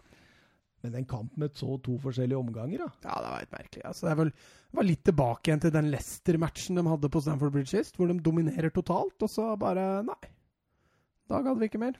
Men altså Jeg føler eh, Lampard eh, jeg, jeg, Altså, jeg, jeg har jo stilt meg litt sånn negativ til den før, da. At dette var for tidlig. Eh, altså, jeg føler Lampard er ute og øvelseskjører i, i Ikke en Ferrari, men en ganske strøken Audi Q8, eh, eller noe sånt noe. At han eh, hadde vært heller lurt å tatt noen sesonger i den eh, slitne Toyotaen, da. Eh, før han var klar til å kjøre litt dyrere biler. Liksom. Det, er, det er sånn jeg føler det her, da. At det er Jeg, jeg føler liksom Altså, disposisjonene, da. Se eh, Barkley-William-byttet. Hvorfor? Barkley var jo best på banen omtrent. Tammy Abraham ut. Hvorfor? Han var jo Chelseas nest beste spiller, så han bytter ut de to beste spillere. Og så setter han inn Billy Gilmore eh, seks minutter før slutt. En 18-åring som skal få sin debut i en sånn kamp hvor en blir pressa hardt. Hva, Det er noen avgjørelser der du kan stille store spørsmålstegn ved. Det er jeg helt enig. Hva i alle dager? Men han fikk av jo Tomori. Han virka bra, da. Ja, det gjorde. Han kan jo fort uh, få en plass, og det er jo ikke så lenge til Reece James tror jeg tar plassen til Aspille Kuelta òg, sånn han driver på. Men uh, det er altså igjen, da du ser Kurt Zuma, hva er det han ja, Jeg syns også han sliter litt i de avgjørende situasjonene. Litt synd å se. Venter vel litt på Rudiger skal bli klar, tror jeg. Ja. Gjennomsnittsalderen til Chelsea, vet du hva den var på, Rune? Den er ung. Ja, 24 år og 158 dager var han på. Det er flott. Når kommer han eh, som var linka til Bayern, Hudson? Når kommer han Ja, tilbake? Hudson Odoi, han er på trappene, han er i trening. Tenk deg Bayern var villig til å strekke seg vanvittig. Ja, men Det skjønner, sånn. skjønner jeg jo. Ja. Det er jo en, eh, en eh, ideell spiller i Bayerns 4-3-3. Det er jo, han er det også er jo verdt å nevne. da De har kanskje sine to mest lovende spillere ute med skade. Chelsea i Loftus Cheek og, og Hudson Odoi. Så med de to tilbake igjen i kampform, så vil jeg tror jeg Chelsea kan avgjøre langt flere kamper til siden. Men Pulisic virker litt bleik. Han Virka bra til å begynne med, men jeg er helt enig. Jeg syns han har dabba litt av. The Sun skriver forresten om eh, Frank Lampard at dette er en blanding mellom et eksperiment og en ulykke. Mm. Eksperimentulykke. Han imponerte jo ikke veldig siste året i Dortmund heller. Han var veldig ustabil. Og det er jo en grunn til at Dortmund selger han. Det- Hvor mye var det? 700 mil, eller noe? Jeg tror det var eh, noe sånn 650 eller rundt der, ja. Og det er, eh, det er mye. Det er en god prislapp, det, for en 19-åring. Og så kjøper de da Brant og Hazard for eh, smårusk. Ja. Ingen av dem har imponert voldsomt så langt, da. Eh, skal vi over til City Brighton? Det er ikke så mye mer å si der, egentlig, enn at City vant 4-0. Ganske overlegent. Stålkontroll. Kevin De Bruyne ett mål, Aguero to og Bernardo Silva det siste. Ja, målet til Aguero var vel kanskje verdt å Åh, Altså- lemperen i krysset der, ja. Han er god. Han er bra, altså. Eh, eneste skår i gleden for City er at eh, Laporte Ja, den var litt kinkig. ja, Eh, på en posisjon hvor City allerede sliter litt. Ja, absolutt. Uh, ute Altså, City bekrefta i dag at han har vært i Barcelona og operert. Og så var ikke snakk om overgang. Nei, han har vært uh, operert hos doktor Ramón Cuga. I, Han, ja. ja, Han, ja. Han er flink, han. uh, I Barcelona. Tydeligvis noe Pep har fra Bar- Barca-tida si, tror jeg. Forventer en lengre skadeavbrekk, faktisk. Nei, det er allerede tynt der. Otamendi har jo spilt de siste matchene. Ja, for Stones er ute. Stones er ute. Og så, nei, vi får se. Fernandinho ble bytta inn som stopper i den matchen, så det blir kanskje det som blir go to. Og Erik to-svaret. Garcia på benk, da. Ja. Åh, han er bra. Mm. Han kommer til å bli god, i hvert fall. City er bra. Eh, videre over til Burnley, Liverpool og Jørgen Klopp. Eh, du er glad i han, eller? Mer glad i Pep. Mer glad i Pep enn Jørgen. Pep. Jeg liker, Pep Klopp. Mm. Eh, Chris Wood selvmål etter eh, 33 minutter der, eh, som eh, løsner jo litt opp for Liverpool. Eh, det, det er det lengste selvmålet som er målt ever. Det er et selvmål fra 28 meter. Det er Alexander Arnold som uh, smeller inn innlegget der og treffer Chris Wood og daler over. Og så i intervjuet med Klopp etter kampen, når eh, de sa at uh, Alexander Arnold ikke fikk det, han bare What? Re really? han var helt sånn overraska over at det blei selvmord, men det blei det. Ja, han får jo en, Når han treffer Wood der, så får han jo en bue som gjør at keeperen blir litt satt ut. Men ja, jeg vet ikke om det er keepertabbe. Det det, det må jo treffe på mål hvis det ikke skal være Ja, hvis retningen forandres Ja. såpass mye at den går inn, så, så blir det selvmål. Mané 2-0, Firmino 3-0. Firmino fantastisk i den kampen her. Ja, han var helt nydelig. Og så var han nydelig etter kampen òg. Han tok hånd om Mané, eller? Ja, så var det gøy den videoen når de går inn i garderoben der, hvor han går mellom Salah, Mané og gliser med de der vanvittig hvite tenna sine. Så det var helt nydelig. Så du Mané var forbanna på Salah? Ja. Men det, jeg har jo nevnt det før i podkasten, jeg òg, at Sala er for egoistisk. Mm. Og, Og spesielt etter den gode sesongen han hadde, hvor han hele tida liksom er på leit etter de Ja. samme mulighetene som han hadde den eh, gode sesongen. og Går ofte for egne sjanser framfor å spille medspillere gode. Du ser også målet til Firmino. Det er ikke noe bevisst pasning fra Sala, det. Nei, nei, nei. Men, men jeg tenker jo det at dette er jo noe som har bygd seg opp, ikke sant. Dette er noe som Altså, Mané har opplevd dette mange ganger, Mm. og nå tok det Nå rant det over. Ja, nå rant det over. Nå var begeret fullt. Nå var han forbanna. Og så bytter Klopp han ut og- rett etterpå. Og Salah får lov å bli på banen. Og du ser Klopp flirer når Mané går forbi. Fordi han slenger vel noen skikkelige kommentarer der, tror jeg. Ja, nei, men Det meste var vel mynta til, til den eh, Salah-muligheten, hvor han i stedet for å spille Mané på blank, så velger han å drible og gå for egne, egne sjanser der. Og han sentra, så hadde det vært scoring. Og så så deilig det at eh, nå slipper vi det maset om at eh, Vigil van Dijk aldri har blitt dribla. Fordi forrige runde så ble han jo dribla og rundlurt av Nicolas Pepe. Og nå rundlurte Chris Woodhan på en av de få sjansene Burnley. Så det var deilig. Det er så deilig det der at han har bare blitt dribla. Altså, han ble jo dribla av Jesus tidligere der igjen, så han, eh, nå har han fått kjørt seg litt. Firmino, første brasilianer som når 50 mål i Premier League. Det er jo en ting å ta med oss videre før vi rusler over til Everton mot Wolverhampton. Ja. Richarlison Show. Skal vi si det sånn? Ja, i hvert fall i store deler av første omgang, og så redda han jo dagen, da. Richarlison er bra. Han er bra. Jeg syns han sliter litt i innledninga av Premier League nå. Dette var første ordentlige kampen hvor han, hvor han var god igjen. Ja, jeg husker i Copa nå. Han var god altså, i Copaen for Brasil. Han spilte bare to kamper, da. Ja, men han var god da. Ja. ja Jeg er enig i det. Vi hadde den vel på fancy-poenga våre, tror jeg. Sånn. Eh, Moise Keane og Alex Iwobi, eh, finnes det noen, noen spillere som er mer lik på avstand? Er, er det Iwobi, eller er det Keane? Jeg hørte kommentatoren blanda dem i øst og vest, og forskjellen er vel egentlig at uh, Iwobi har 17 bak på drakta, og, uh, og Keane har 27. Så har vel Keane noen sånne gule greier i håret sitt, tror jeg. Ja. Men eh, for en kamp egentlig det var, da. Ja, der kan Wolverhampton takke seg sjøl for dem eh, Men underholdningsverdien der står jo til ti. Ja da, dem, eh, den første, de første kvarteret der, er, det er morsomt. Det var tolv avslutninger og sju på mål de første 20. Stemmer det? Eh, men eh, Everton, da. Sjette strake seieren på Goodison. Eh, har ikke avgitt poeng siden 0-0 eh, mot Liverpool i mars. Er det blitt et fort, eller? Ja, altså, de skremte ikke meg når jeg så den matchen. Jeg syns Wolves eh, kom veldig godt fra det. Eh, I utgangspunktet, men eh, når du sier at de har seks strake seire, så tyder jo det på at de gjør noe riktig, i hvert fall. Ja, absolutt. Og jeg syns jo den de fire fremste der, da, med Gylfi eh, Ja, Gylfi var nydelig. ja, ja. Jeg liker Gylfi. og Richarlison og, eh, og Iwobi og Moise Keane. Det er jo en sterk så har de jo Calvert Lewin og en. Bernard i bakhånd, så Ja. de begynner jo å få litt bredde der. Skal vi snakke om eh, Premier Leagues største kamp denne runden? The North London Derby. Ja, Westham mot North London Derby. Å ja, de ligger ikke Nei, Westham ligger ikke i Nord-London. Chelsea. Vest-London. Var det kanskje. Men i alle dager, da? Nå er han tøff, vet du. Vi har fått et spørsmål der. Hei, folkens! Fra Peter S. Eh, godt å ha dere tilbake.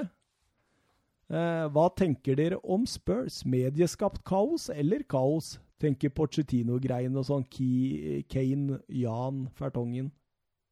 Kontrakter. Eriksen òg, da. Ja, det er vel sikkert en del av det. Eh, mer medieskapt kaos enn det er i klubben, det er jeg ganske sikker på. Ja, det tror jeg, og de må jo ha noe å skrive om. Ja, absolutt. Eh, at det, Harry Kane og Jan Fertongen skal ha gått løs på hverandre sånn at begge fikk blåveis og sånt, det, det er jo Er det rykter om det? Ja. Ja vel.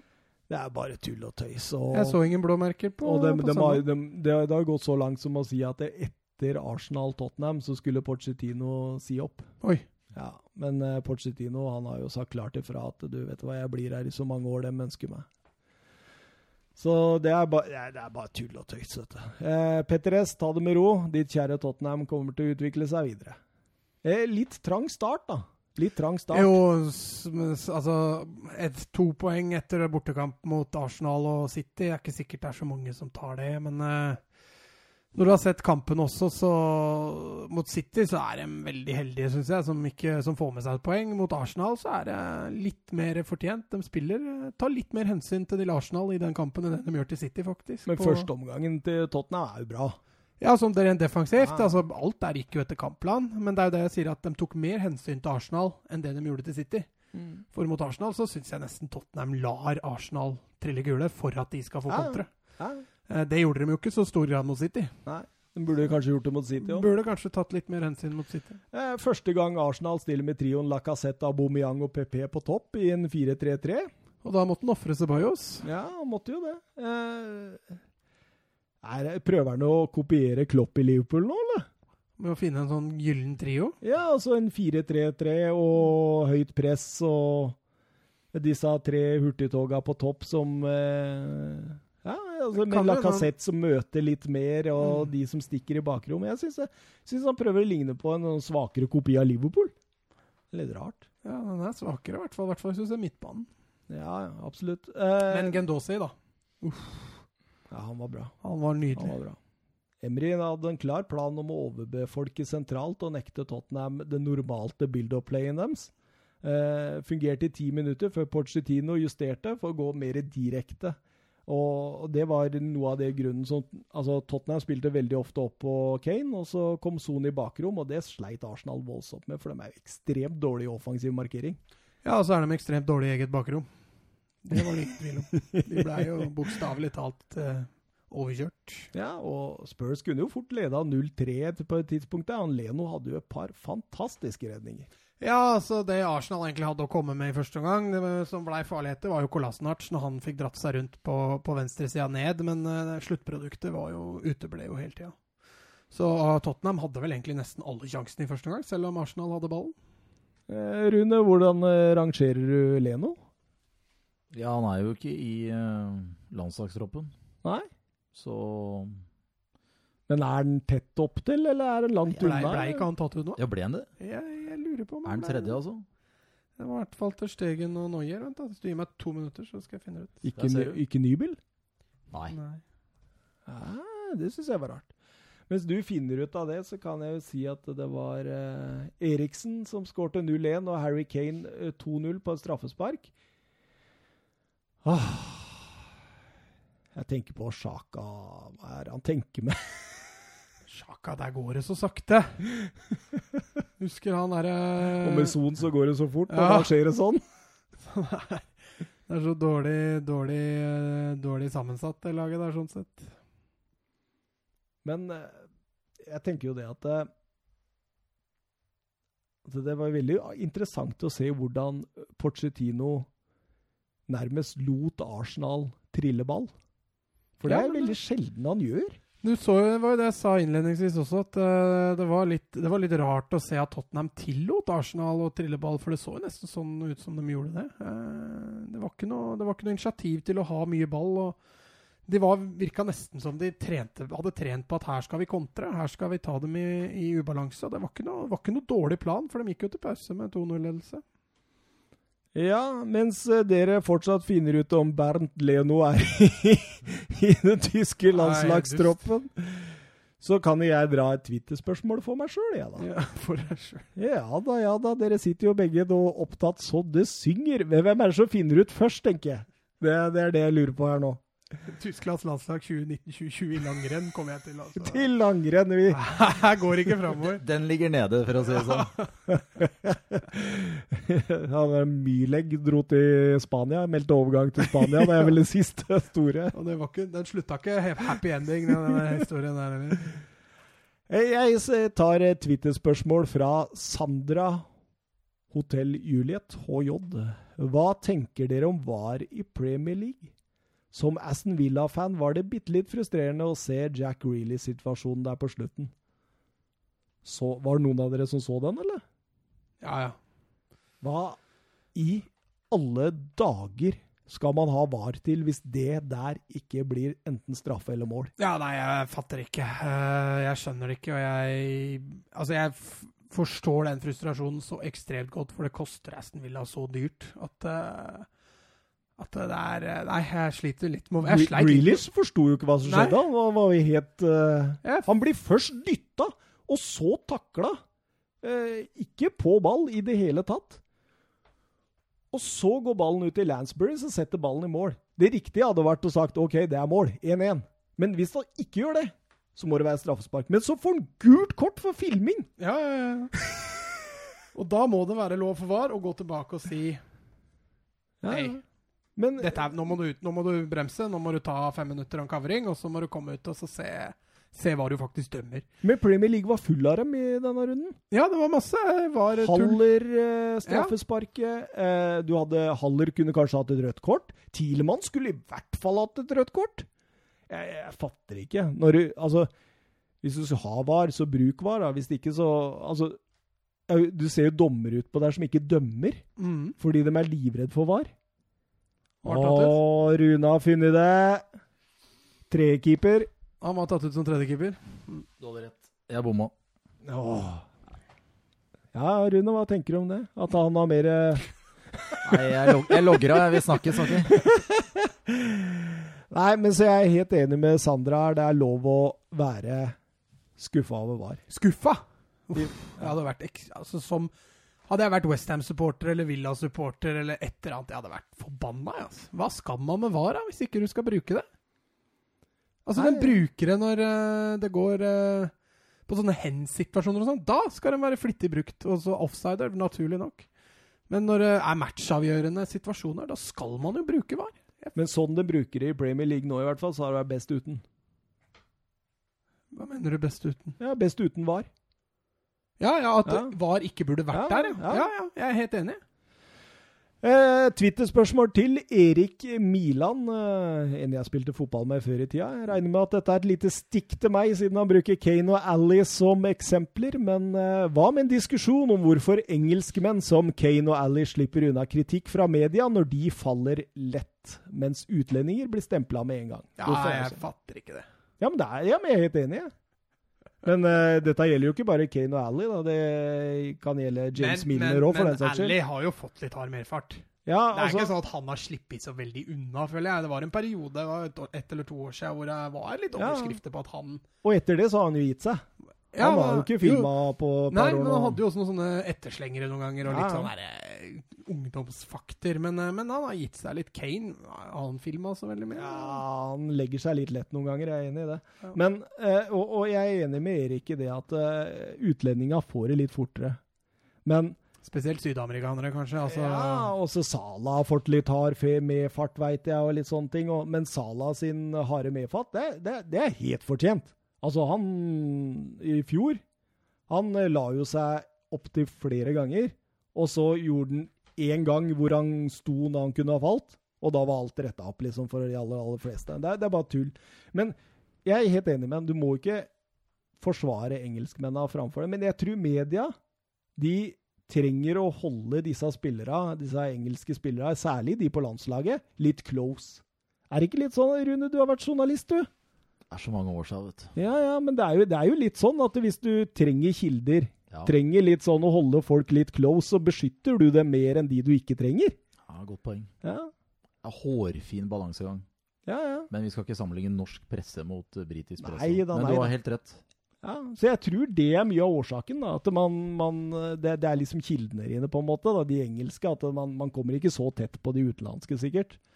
Ja, det kan sikkert stemme. Jeg kjenner jeg ikke har noen sånne voldsomme meninger rundt det. Men det er to forskjellige kulturer òg, da. Den engelske kulturen og den uh, sydeuropeiske Ja, kulturen men er jo man, man skulle jo tro da at det engelske At man skulle tatt de engelske hardere. Men, men jeg er enig med deg når du Jo. sier det. Del- Alli fikk jo hard medfart.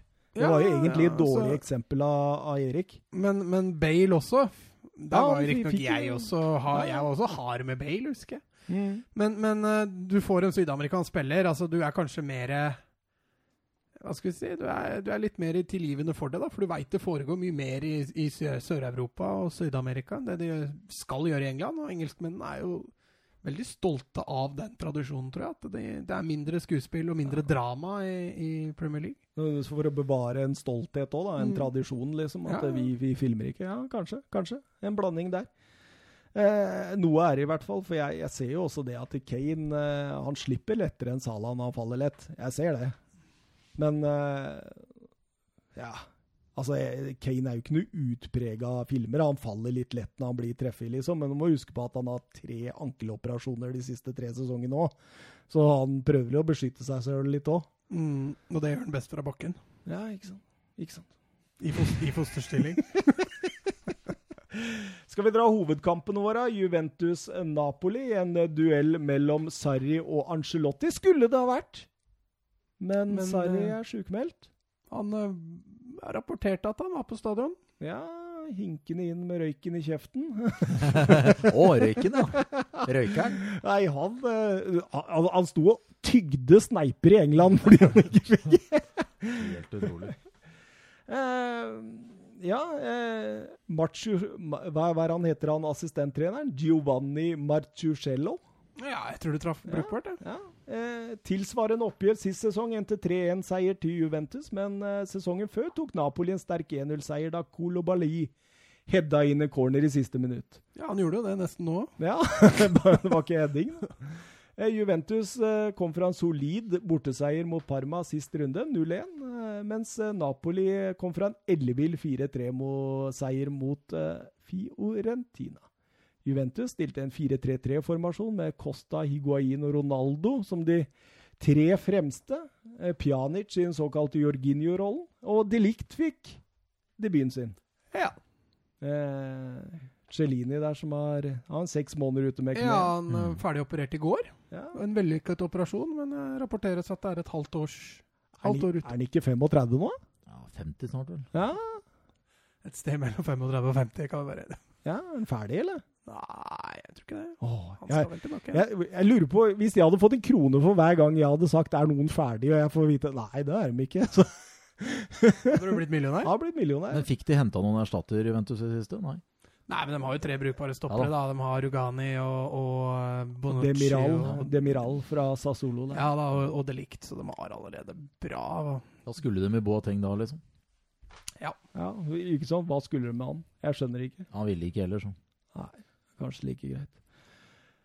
Angelotti kjørte en ganske overraskende altså, Jeg, jeg ble- blei egentlig aldri klok på den eh, Napoli-formasjonen. Altså, Var det 3-4-3, eller var det 4-2-3-1? De veksla noe voldsomt. Ja, og i første omgang så, så sleit de jo big time òg, så jeg tror ikke de helt visste sjøl hva de dreiv med en periode der. Vet Angelotti det, eller? Hva, han, hva han driver med? Ja, Ancelotti veit det nok. Det var nok en plan der. Ja. Det var bare ikke så lett å spotte. Liker hun ikke etter Bayern-tida, eller?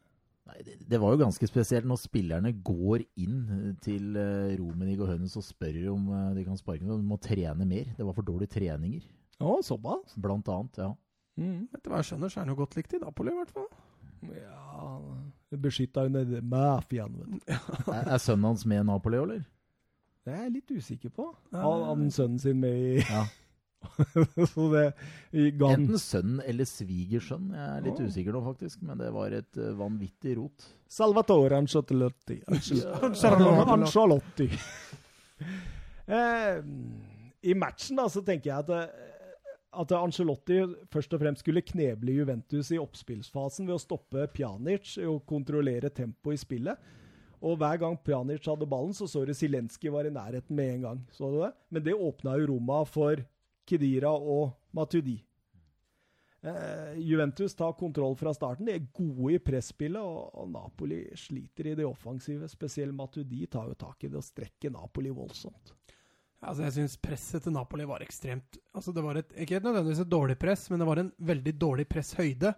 For det var verken lavt press eller høyt press, det de drev med. Eh, det var som du sier, de ønska å ta ut Pjanic og, og ta ut spillfireren, for han var ganske usynlig eh, i starten av matchen. Men det frigjorde bare Kedira og Matuidi i langt større grad, og de fikk jo lov å boltre seg i det som var et ganske så stort mellomrom. Altså. Ja, absolutt. Det er lenge siden så er Kedira så god. Ja, Ja, han, han var toneangivende. ja faktisk. Og, og dette er en spiller Juventus prøvde å hive for alt det var verdt, sammen med Dybala. Mm. Tenkte det. Han hadde vel noen hjerteproblemer òg, hadde han ikke der? Han hadde det, ja. Mm. Oi. Ja. Godt Ja, gjort å komme tilbake. Ja, absolutt. En strålende, han hadde en strålende kamp, eh, Kedira. Eh, Og broren hans spiller i Augsburg. Ja, ja, stemmer, stemmer det. Stemmer. Bror Kedira, han husker jeg snakka om. Vi husker vi snakka om bror Kroos òg. Mm. I Union? Ja, han Felix? Sliter, sliter benken, ja. Ja, han er ikke noe særlig, eller? Nei, han var, har ikke fått, eh, fikk ikke veldig tillit i Tveite heller. Av og på, av og på. Har ikke Guts en bror òg? Han var også i Bayern. Og hvor gikk han? Eh, var det Augsburg eller Freiburg, må tro? Lurer på om det var Augsburg han endte opp. Det var en Borg, i hvert fall. Ja. Var en borg. Nå spora vi, ja. ja. Det, det, det hender vi gjør det her, men det er veldig, det er helt greit, det. Så lenge vi er tilbake on track, som regel. 13 minutter. Eh, Danilo. Nei, det var 15. Ja, det, det var 15. Eh, vi må ta med oss uh, at uh, Napoli får den største sjansen der. Uh, Allan får en ball fra Insigne fra ja, rundt 20 og fyrer av. Skuddet er knallhardt ned i hjørnet, og Stenchny gjør en fantastisk redning der. Ja, det var nydelig. Han, han er jo blokkert også, så han ser jo ikke utgangen på skuddet. Uh, Idet han skyter, og du ser at Stenchny ikke ser utgangen, så tenker du mål, fordi du ser at det er bra plassert òg. Så det, det er en fantastisk redning. Også. Men to minutter etter, og du kan ta målet.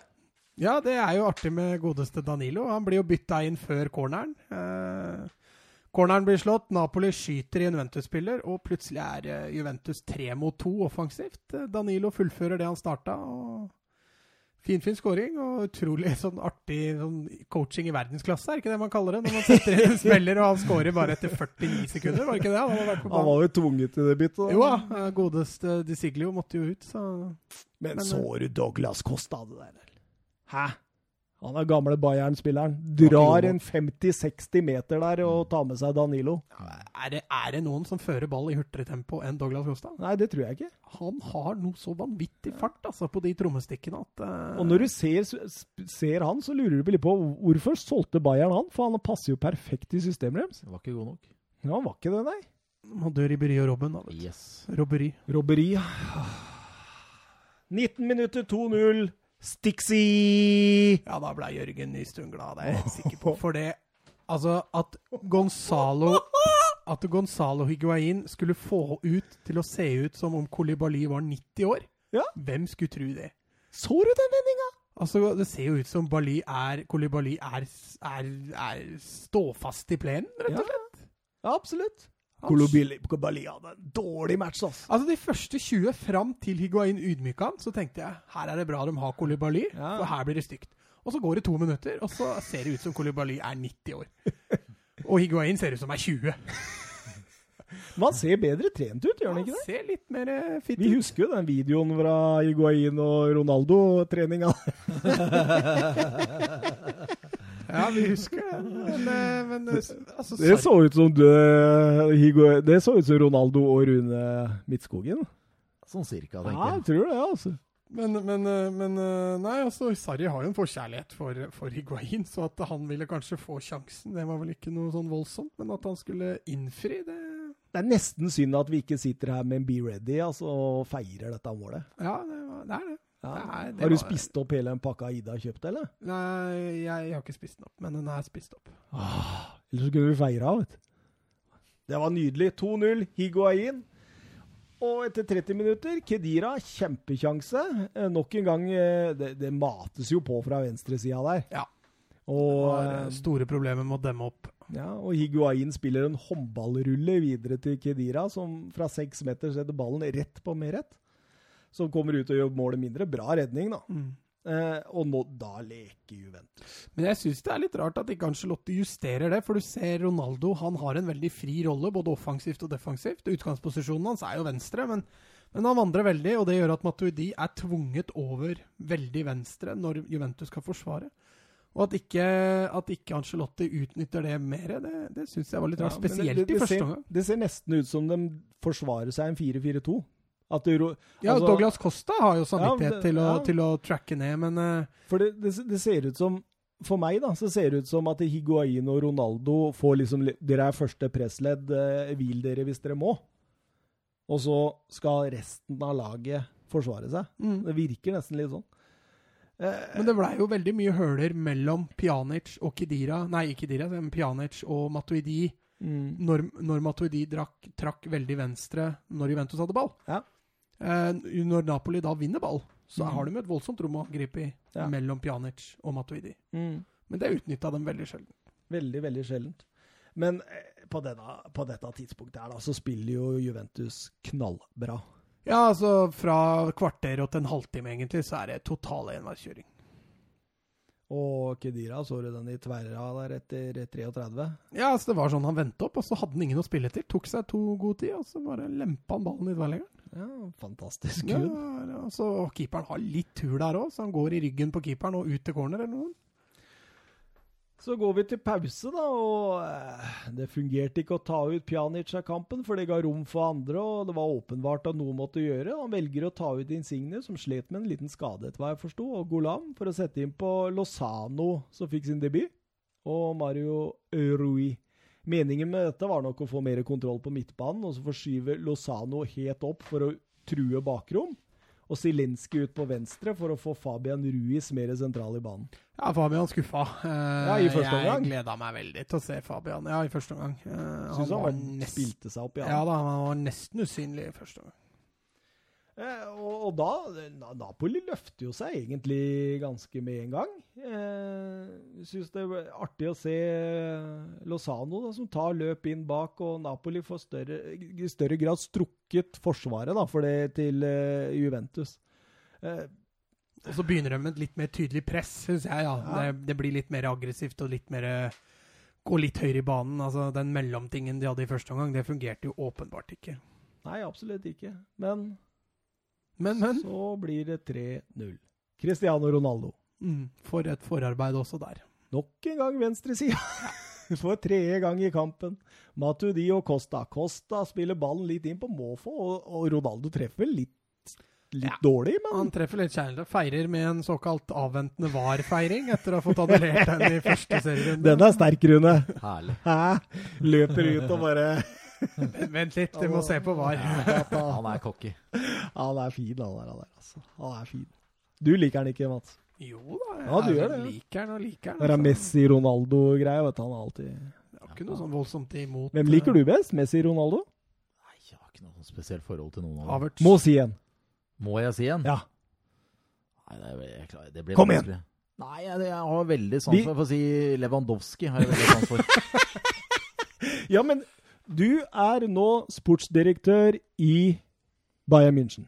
Oi. Og så får du beskjed av Oli Hønes om at eh, jeg kan skaffe deg enten Cristiano Ronaldo eller eh, Lionel Messi. Og så kan man gjøre dette litt sånn eh, tullete og si at det er in prime time. Mm, For jeg tror begge er litt over Ja, det enn det de. de var. det er det. Eh, og da sier du til Ole Hønes Jeg ville nok ha henta Ronaldo. Oh, se, på, se på blikket til Mats! Hvorfor gjør du sånn? Det er greit, det. At han ikke kan fotball, kan ikke ha noe for. stakkar. Vinnerskalle. Ja, det er det. Er. Mentaliteten, den har han i hvert fall Mm. ingen som kan ta han på. Nei. Fire minutter etter, Costa Mal, Costas Manolas setter sitt første mål for eh, Napoli på hodet. Et innlegg som går gjennom hele feltet. Der står han på bakerste. Og nikker ballen i mål og gir en liten lifeline. Ja, så hva Juventus dreiv med der defensivt, det kan du jaggu lure på. Jeg tenkte først med en gang at han var i offside. Det var Eh, Bonucci, vet du. Ja, så han, han uh, kåler jo litt til der, men, eh, men eh, bra slått dødball og svak markering av Juventus. To minutter etter, 3-2, Irving Lozano. Eh, de likte der, da. Altså, Åh. For en forferdelig kamp de likt hadde. altså, du nevnte Kolibali i starten. Ja, han hadde også en forferdelig kamp, men eh, altså, dette var en debut på verst tenkelig måte for de likt. Altså. Ja, det var det. Han eh, kåla Det var ikke bare den skåringa, han hadde jo en til òg, hvor han kåla. Det var flere nestenmuligheter, så de likt hadde en, hadde en dårlig opplevelse. Du er jo en sånn Champions League-mann. Du så vel de likt litt i fjor. Ja, Hva tenker du om den? det er et godt spørsmål. Eh, Både og. Er Mhm. litt hypa. Ja, det er det jeg har prøvd veldig, å ja. veldig taklingssterk. Og klart, Ajax fløt jo i medvind hele Ja. Champions League i fjor. Ja, taklingssterk, men temposvak. Mm. Tja. Ja, altså jeg, jeg, jeg, Syns han så litt stressa ut med ball òg. Ja, men det, er- det er ikke rart uh, i debut. Sånn. Det har jo ikke vært Det var jo litt en kronglete start for han der. ikke sant? Han er ung, men- Han er ung, men, Ja. eh, Men det er jo, var jo en av styrkene hans i Ja. Ajax. Ja, ball, er- ball i beina. Ja, men det er noe annet å komme til Juventus enn å spille i Ajax. altså. Jo, jo, det forstår jeg, men hvis du tar bort en av styrkene hans, da sitter du ikke igjen med så veldig mye, da. Nei, altså, Han ble jo linka hit og dit og frem og tilbake, men uh... Ja, Det så ut som han var på sånn Martin Ødegaard-sightseeing der en periode. men jeg er helt enig med deg, Rune. Helt enig. Jeg, men jeg har jo aldri vært sånn utelukkende positiv til den. Nei da, du har tatt diskusjoner, du. Ja, jeg har tatt diskusjoner på nett og alt som er. Jeg har Mm, blitt kalt det mm. ene og det andre jeg, fordi jeg ikke påstår at han er topp fem i verden nå, liksom. Nei, men det er han ikke. Nei, han er langt ifra. Men jeg, skjønner ikke hva folk driver på med. De, som du sier, det hypes så voldsomt opp. Bare du har gjort en god sesong, så hypes det opp. Og så kan jeg nevne 15-20 stoppere jeg heller ville hatt eh, i klubben min akkurat nå, enn de likt. Jeg skjønner ikke. Men at han, kan bli god, ja, han kan bli god. Men altså, han er også kjøpt for 750-800 millioner, liksom. Det, det er Vigil van Dijk-nivå på eh, Ikke sånn på lommeboka der. Og Fiat-penger. Å, Fiat-penger. Den er lei. Han så ut som en Fiat der han Ja, drev ut ja, på ikke det, sant. Han gjorde det. Han så ut som en Fiat, og eh, Men etter 68 minutter, det er ett minutt etterpå, skal vi snakke om skuddet til Douglas Costa, eller skal vi snakke om redningen til Alex Meret? Jeg veit ikke. Skal vi snakke om begge? Skal vi Fy ti rakkeren! Ja, det var et kanontreff, og jeg tror altså, sånn, sånn offensiv spiller, da, så unner man jo de mål, men når du ser den redninga, så Ja, det er- det er vakkert å se på. rett Det er på høyde med den Stenchen i første omgang. Men nå er Napoli på jakt. Mm. Juventus lurer virkelig på hva som traff dem, og virkelig sånn sjokkskada. Og så, og så, så er det liksom sånn ballen går fram og tilbake. Hvem får eh, Blir det 3-3, eller blir det 4-2? Da, da var alt oppe å gå igjen. Og så blir det 3-3. Giovanni Lo, eh, Di Lorenzo. Åh, samme som sist. Frispark fra, bare på andre sida. Samme korridor. Legges inn. Bakerste. Der dukker han opp. Og de likt følger ikke løpet. Nei, de likt følger ikke med nok en gang, og taper duellen. Og for så vidt er på hæla når, når eh, han setter den i mål. Og på dette tidspunkt da, så tror man jo ok, nå skal det ebbe ut med 3-3. Men på overtid Kolobali. Og hva er det han driver med der? Han har Hva så god han tid. Han har så god tid. Og så klinker han i egen kryss.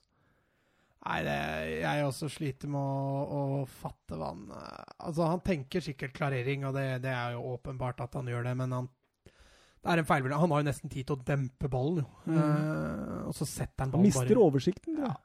Litt stressa og mister oversikten. Han skal vel bare klarere ballen til en corner der, og så går han opp i eget kryss. Og selvfølgelig veldig trist. Det er jo en av verdens beste midtstoppere, men uh, han hadde sånn to ut. fatale involveringer i den kampen, og det, det koster rett og slett Napoli tre poeng. Altså.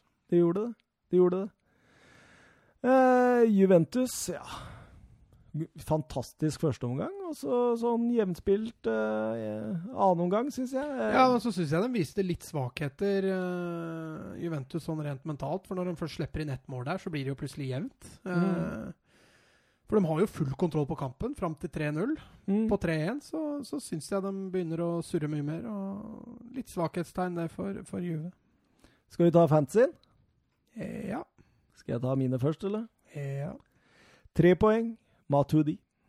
Jobber og sliter, svært delaktig i det Juventus har fremover. Dekker store rom defensivt og blir mindre markant utover i annen omgang, men leverer banens beste, etter min bok.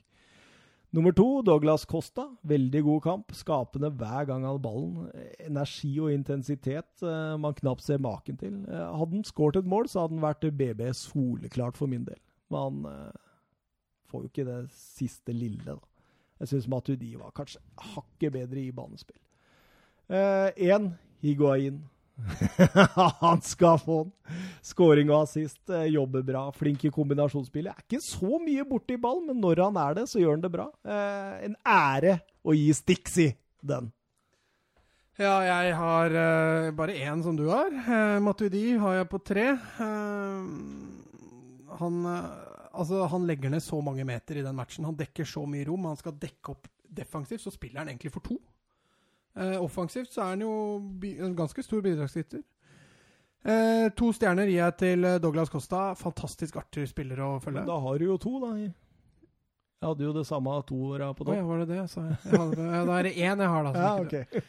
Eh, for den siste jeg har som ikke du har, det er Allan på, på Napoli. Eh, jeg syns han i første omgang er den eneste som holder litt fortet oppe for, for Napoli på midten. I andre omgang så er han med litt eh, også mye involvert i det oppbyggende. At han blir bytta ut og ofra, det, det skjønte jeg lite av eh, for Napoli sin del. Men eh, Han ble bedre når han fikk eh, Fabian ved siden av seg. ja, altså, utover i andre omgang så, så Mm. vokste han bare enda mer offensivt. Eh, defensivt så syns jeg han spilte ganske bra hele matchen, egentlig. Eh, Jeg vurderte også Kedira og Ronaldo, faktisk. Eh, Ronaldo syns jeg også hadde en, eh, en av de bedre kampene jeg har sett han i på lenge. Vi går raskt igjennom videre i Serie A. Det er ikke så mange kamper igjen nå, og det er jo for så vidt greit. Det begynner å bli hett i studio, og klokka begynner å bli masse. Milan Brescia 1-0. Eh, Hakan Shalanolo der, ja. Er det ikke det han heter? da? Jo, jo, jo. Jeg er bare imponert at du prøvde å uttale det. Ja, det, jeg har slitt litt med uttalelsen før, kan du si. Det er ikke rart. Men Shalanulu det er, ja, men jeg, jeg så hele kampen, skjønner du, og da hørte jeg han Ja, kommentatoren ja, sa ja, nei, jeg, jeg, jeg veit det. Hørtes veldig riktig ut. Eh, fortjent seier eh, for Milan, syns jeg. Hadde god kontroll og var nærmere 2-0. Eh, en poengtap i denne kampen. Eh, Suso var hans beste. Eh, Ja, han er jo en nydelig fotballspiller, da. ja, Eh, han er det. Han er bare 25. Ja, han er det. Han var jo en sånn assistkongetype, så Ja, absolutt. Eh, husker han dro til Liverpool som ung. ja, stemmer det. Ja. Marco Gianpaolo eh, vraka Pjontek til den kampen der etter en svak eh, kamp mot Udinese sist helg. Eh, Kom inn for André Silva og virka, virka faktisk på nå. Hadde eh, to kjempekjanser. Det blir spennende å se eh, hvor veien går videre for Pjontek nå.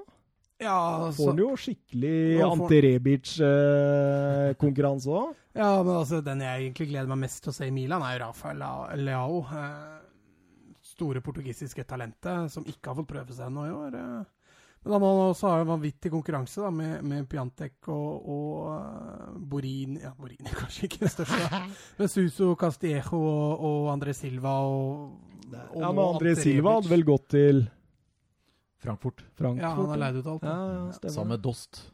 Ja, Bas, Han Bas! skåra i debuten med en gang. Ja, fantastisk. Ja, ja, det er nydelig. Men uh, Balotelli han uh, er fortsatt under opptrening, for han eh, Han har jo skrevet under for Brescia. har du sett det der når, når Mourinho forteller om Balotelli? Ja, ja. Det er så fantastisk. Han sier du, Søk på YouTube, så søk Mor Mourinho Balotelli. Der forteller om en kamp de hadde i Rubin Kazan, da han var den eneste spissen.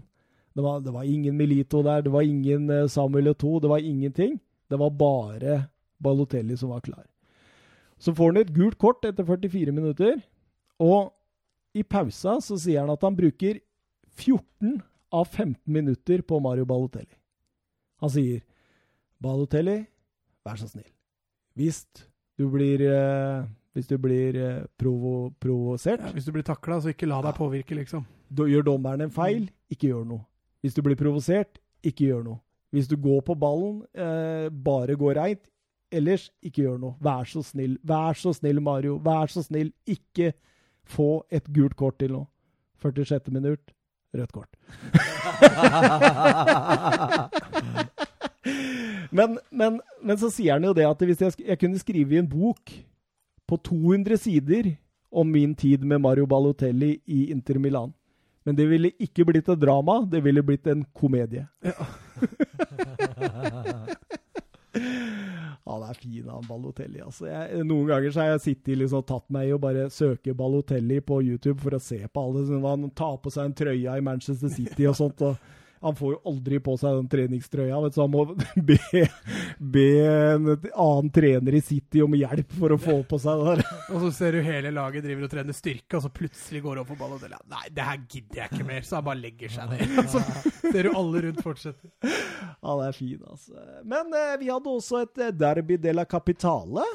Ja, Lazio Roma. Ja. 1-1. eh, Kolarov eh, 0-1 og eh, Luis Alberto Romeo eh, 1-1. Ja. Eh, det smalt i stolpene Ja, der. fy fader, det var vel fem stolpetreff før det var gått 20 minutter eller noe sånt i den matchen. Det var helt spinnvilt, altså. At ikke det der eh, At det endte bare 1-1, er jo helt utrolig. Det var helt kokos. Det var helt kokos. Altså, både Lucas Leiva og Nicolas Saniolo hadde jo stolpene på langskudd ganske tidlig. Eh, Saniolo var faktisk veldig god for Ja, et svakt Roma. Sanjolo er frisk. Eh, men vi har vel vært litt skeptiske til Roma i år, eh, med tanke på hva de har kvitta seg med, og hva de har kjøpt. Så I hvert fall hva de har kjøpt nå. Ja, de har å, de har begynt å grave dypt ned i stallen til United, så det er klart da er du desperat. og spesielt på stoppeplass. Eh, ja, ja, ja. Eh, og så syns jeg han eh, Sergeir Jeg kaller han bare SMS, jeg. Sergeir. Sergej, Sergej. Ja. SMS? Milenkovic Savic. Ja, syns han var bra. Eh, men det kunne jo vært 5-5 i denne Ja, kampen. eller, det ja, altså. Burde nesten vært 5-5. Lazio best, eller? Ja, jeg holder også 60-40 favør Lazio. Eh, De hadde riktignok hjemmebane, hvis vi kan kalle det det. Selv om begge to spiller vel på samme bane, så Så var det, var det favør Lazio. Jeg syns de kom best fra det. Roma skal vel være greit fornøyd med et poeng der. Ja, absolutt. Uh, Selv om de hadde noe stolpeskudd, de òg. Ja, de hadde, de hadde vel uh, to av de tre, tror jeg.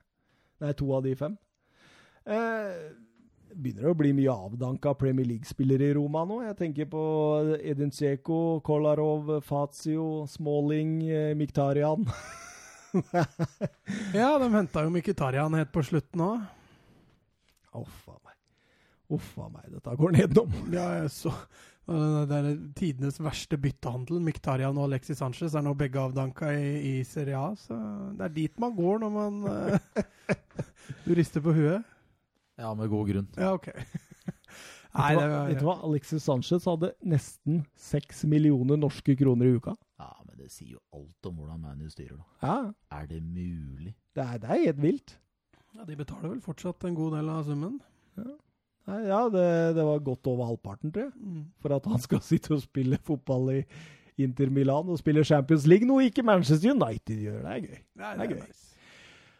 Atalanta-Torino var artig kamp. Eh, 2-3 der. Eh, svingte litt. Eh, Torino tar ledelsen. Eh, Bonfasi. Eh, Dovan Zapata, som vi snakka mye om. Ah, så du den? Eh, han skårer først 1-1 her, og den 2-1-skåringen der Hvor lang tid tar det for han her i Premier League? Det tar ikke lang tid. Lang. Han er 28 Han- år, men jeg tror det er noen som finner Han eh, har jo bruk alt, han. da. Ja. Fysikk, fart, avslutninger. Det er vel en spiller bare Sampdoria, eh, omtrent heiv vekk. Jeg husker ikke. Uh, Berenger eh, gjør eh, 2-2, og Armando Iso gjør 2-3 til Torino. Ja, Torino de tapte jo i midtuka på, på Molineux, så at de skulle gå dit og hente tre poeng, det, det tror jeg overraska litt, selv om, selv om Torino har en bra, har en bra lag. Dem. Ja, jeg synes Torino imponerte offensivt. En Sånn 3-5-2-system. Jeg syns Daniele Baselli på sentral på midtbanen eh, var veldig bra. Kanonstart. eh, Men alt i alt var jo Atalanta best, da. Og Duvan Zapata herja jo til tider. Ja, Zapata var nydelig. Eh, videre til eh, Ja, dette blir siste kampen for i dag. Oi, Før vi går over til episodens talent og sier natta. Og- Sier vi natta i episodens Ja. talent? Er det så dårlig, er det så dårlig stilt her nå? Eh, Cagliari mot Inter Milan, og denne kampen står igjen som et svart teppe av rasisme, egentlig. Og det toppa seg egentlig når Inter-fansen sendte brev til Lukaku. Ja, hvor de Ja, Hvor stemmer de, det. altså de unnskyldte det jo ikke, men de prøvde å forklare Lukaku at dette er ikke rasisme. Og da altså, Apelyder er ikke rasisme når Lukaku skal ta Altså, det var et tegn på respekt. Nei, fy fader. er Og, og, og forbundet gjør ingenting. Du, man blir jo bare trist og lei seg, og, Ja. og, og at et land som Italia da, altså det, er selvfølgelig mye mafia-drit der, men, men at de ikke har kommet lenger nå, det, de er jo et velutvikla i-samfunn. Ja. Hva er det som skjer, liksom? Nei, det skal sies at eh, Cagliari-fansen de har jo en lang historie med rasisme. De har jo kjente episodene med To og Balotelli og Sulimontari. Eh, Matuidi har også i nyere tid fått, og i fjor var det Moiskin. Det som er morsomt, er at både eh, Lukaku og Moise Keane skårte mål mot det målet. For det, det er spesielt én seksjon Mm. Og det må gå an å få bort dette. Er, jeg fatter ikke. Det er én seksjon hver eneste gang, og det er den ene kortsida bak målet der. Ja, den bør jo kunne gå an å sende opp noen agenter der og få tak i hvilken, hvem som driver med i hvert fall mesteparten av dette, og så få det bort. Altså. Det er jo ikke noe problem i andre steder enn Italia for tida. Altså, eh, Tanguy Ndombele ble jo spurt, eh, for han hadde jo gode tilbud fra Juventus vet jeg, og Inter Milan når han, før han gikk til Tottenham. Og da sa han jo det at i Italia var det aldri aktuelt. Jeg drar ikke dit pga. rasismen. Mm. Det er ganske spesielt. Eh, over til noe mer hyggelig. Så du Stefano Sensi, eller? Ja, for en spiller. Ja. Gud bedre. altså, Satt og stussa litt på at Barella har blitt sittet så mye på benken. Ja, Men denne Sensi gjør- rettferdiggjør jo det så det synger. ja han er jo fantastisk. Toveis. Ekstremt god teknisk. Så, så du når han ble tatt ned til straffesparket der? Hvordan han liksom, Mange ville jo bare kåla på og skyte i. Mm. Men han drar en slags Zidane-finte og blir tatt der. I, Mm. under press. Fantastisk spiller. altså. Han har fått en enorm start på karriera etter eh, låneoppholdet fra Sassolo, må jeg si. Han er jo bare på lån. Ja. Mm, kanskje flere klubber eller som sikler etter han, hvis han ikke har skaffa seg en Det god, er garantert en opsjon. en god opsjon. ja. Eh, Diego Godin fikk sine første minutter. Ja. Og Lukaku skårte nok en gang. Ja, Og Sanchez satt på benken. Ja, ja. Foreløpig, i hvert fall. ja. Inter betaler vel ikke så mye som United gjør, så Nei. de kan ha råd til å ha han på benken. Og for en liten sånn fun fact på slutten, da, så spilte jo egentlig Radio Nangolan mot sine gamle lagkamerater. Eller kun, skal vi kalle det lagkamerater, da han fortsatt er på utlån. Ja. Han også, Det er jo denne utlånsgreiene i Italia hvor folk leies ut i hytt og pine. ja. Det er jo tvilsomt at han spiller under konto noen gang uansett. Ja. Han ble jo kvitt eh, godeste Icardi nå, vet du. Men det var også bare på utlån. Ja. Men eh, 65 millioner euro, tror jeg, for eh, opsjonen. Mm. Ja. Nei. Inter Milan vant 2-1, og det ser solid ut, syns jeg. Jeg tror de kan utfordre Juventus, jeg. Ja, de eh, De har i hvert fall fått en eh, god start resultatmessig, og leder jo Serie A i øyeblikket. Ukas talent. Du, du, du. Nå dro han introen. Skal du prøve, eller? Nei, jeg står over. eh, har du et talent med, eller? Ja, det har jeg. Oh. Og, og hvilken liga? Det er jo garantert Bundesligaen, det. Ja, helt riktig. Ja. Nei, Da må jeg trekke fram, eh, fram eh, Alfonso Davies, canadenseren. 18 år, kom til Bayern som 17-åring. Spilt ni matcher allerede. To mål. Skåret mot Mainz sist helg. 14-15 landskamp for Canada. Strålende. Kosta vel 10 millioner i sin tid, euro. Småpenger. Kommer til å bli grisegod. Åssen type er han? Han er, brukes både Kommer vel til å bli kanskje en arvtaker til Alaba på venstrebekk, men kan også brukes som eh, kant. Ja, ok. Venstre. Ja, for jeg ser han mest som kant, men mm. ja, Ja, han kan han er jo veldig eh, uferdig, men klart når du er eh, 17 år og får spille Bayern, da er du god. Ja, for han er bare 17. Og nå er han 18, men han Ja. kom dit i fjor. Åh, ja. Jeg har hørt litt om han, men eh, jeg har ikke sett veldig mye av han. Han har jo ikke spilt veldig mye heller. Nei. Han er på trappene. Han kommer. Det er artig. Mm. Skal du snakke Skal litt kjøre? ukas talent? Kan jeg gjøre. Jeg har plukket meg ut Nikola Zalewski. Det er vel et av de første talentene jeg har hatt som du ikke har hørt om fra før. Ja, jeg ble, nå, nå gleder jeg meg. Skal- Eh, han er bare, faktisk- bare vent litt. Bare, jeg skal sette meg tilbake og nyte. Han er faktisk født på Tivoli. Det er da en by, det er da en by i Italia som heter Tivoli. Men litt artig, artig å legge trykken på feil, feil bokstav. Eh, er eh, polsk. Polske foreldre har valgt å spille for Polen, eh, men er som sagt født og oppvokst i, i Italia. Han er en høyrekanta venstrekant. Høyrefota venstre Høyrekanta venstrekant. Høyrefota Høyrebeint venstrebekk, var det du? Eh, og er egentlig en veldig lav spiller. Altså Snakker vi 1,64. Det er to centimeter lavere enn Lionel Messi. Eh, har selvfølgelig tempo og dribleferdigheter som, som sine styrker, og, og liker å komme inn fra venstrekanten inn mot, uh, inn mot høyre, enten for avslutning eller, eller for pasning gjennom. Eh, spiller til daglig for Roma sitt U19-lag, men har allerede trent gjentatte ganger med A-laget til, til Roma. Han er jo da født 23.1.2002, noe som gjør at han i år fylte 17. Og at han da i øyeblikket har ja, Nå veit jeg ikke åssen det blir nå om han har spilt, men jeg tror han har tre da landskamper for Polens U19. Mm. Eh, er verdsatt på, på Transfermark til 500 000 euro. Så han er foreløpig ganske billig å hente i forhold til de andre. Eh, så det blir spennende å se hvor langt han når. Åssen snubla du over han her?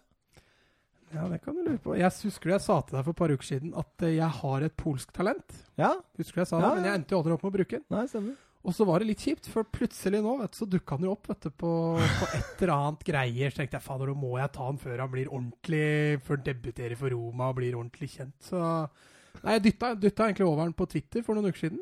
Og så så jeg mer av han nå. Da tenkte jeg nå må jeg ta han. Det var litt som meg med Kamavinga, det, vet du. Jeg hadde jo han eh, før han hadde den knallkampen mot Paris Saint-Germain. Så det var jo sånn at uh, plutselig så skulle jeg liksom presentere det ukjente talentet, så hadde TV 2 og VG og NRK og alt skrevet om den. Ah, Så da ble han ikke så ukjent mer, da. men da var han god i den Ja. kampen. Ja, han var strålende. Du hadde jo lyst til å ta den i dag, og så sa jeg at Ja, særlig hadde jeg ikke lyst til det. du vil ikke ha Alfonso Ja, prøv- Davies, du? Prøv, prøv sjøl, da. Da skal jeg eh, kjøre mitt eh, ukas talent, og eh, jeg fikk vel lov av deg å synge navnet hans, gjør du ikke det? Esposito. Ne-ne-ne-ne-ne-ne-ne. Esposito. Ne, ne, ne, ne, ne, ne, Sebastian Esposito. Ne, ne, ne, ne, ne. Det er mulig du refererer til, eh, til Justin Bieber der, men eh, Eh, Sebastiano Esposito. ført 2. juli 2002. 17 år i eh, Castamelmare di Stabia i Italia. Klubb Inter Milan. Posisjon angrep. Eh, Esposito ble oppdaga av Brescios, Brescias ungdomsspeider eh, Roberto Clerenzi, som eh, kom, over i en kamp, kom over en kamp da han spilte han var ni år. Eh, og spilte med spillere som var godt over hans aldersgruppe. og det tenkte, jeg, Han dominerer så voldsomt. Så han ble henta sammen med broren Salvatore i 2013. Eh, hans første år eh, Han blei lurt med videre da, til Inter Milan av, eh, av en som speider der. Og Hans første år på Inter Milan-akademiet ble stor suksess. Han eh, spilte mye og ble toppskårer på U16 og U17, og var til og med innom Inter Primavera U19 som 14-åring. Eh, som 16-åring tok eh, Luciano Spalletti han med i Europa League-troppen, som reiste til Frankfurt for å spille mot Eintracht. Han kom inn i det 73. minutt for eh, Valero, og blei den første spilleren født i 2002 som noen gang har spilt i en Champions League eller Europa League-kamp. Han har spilt en lass aldersbestemte landskamper for Italia og har vært topp på toppskårerlista i U17-EM, kun én spiller foran seg. Eh, han har fortsatt til gode å få Serie A-minutter, men er med i hver eneste kamptropp. Da er det bare følg med på Fotmob, så ser du han sitter bakerst på benken hver gang, altså helt nederst på Fotmob. Jeg har spilt en hel del treningskamper for Inter i sommer, bl.a. mot Tottenham, da han hadde en assist i 1-1-kampen mellom Tottenham og Inter. Eh, blir kalt et fenomen. En naturlig målskårer, fin spilleforståelse, herlig avslutningsteknikk og et fint steg. Eh, god både på bakken og i lufta, har ekstremt god frisparkfot. Eh, hvis jeg skulle sammenligna med en fotballspiller vi kjenner bedre til i dag altså Jeg syns det jeg ser han, da, og det jeg har sett han, jeg har søkt mye YouTube, så er det Harry Kane, altså. Det er en Harry Kane in the making der. såpass. Mhm. Eh, men jeg har ikke sett noen andre av sammenligna, men det kommer. Bare vent og se. Vi får en utfordrer til Lukaku og Martinez. For jeg har tenkt litt på det. Hvem er det som stiller opp bak eh, Martinez og Lukaku Blir Alexis Sanchez? som spiss? Ja, han kan jo gå inn der òg. Ja, at han kan gå inn der, det, det tror jeg. Mm. Men han er ikke noen naturlig spiss. Nei, han er vel ikke det. Hvor mange mål tror du Lukaku får i Serie A? Mange. Mm. Begynner på- nærmere 30? En per, ja, hvis han skårer én per kamp, da, sånn han har starta, så skulle jo det bli 38. Da. Ja. Å, jeg begynner å bli trøtt og sliten, jeg. Hvor lenge har vi holdt på? To og en halv time. Oi da. Ja, det- er alltid altfor langt, ass.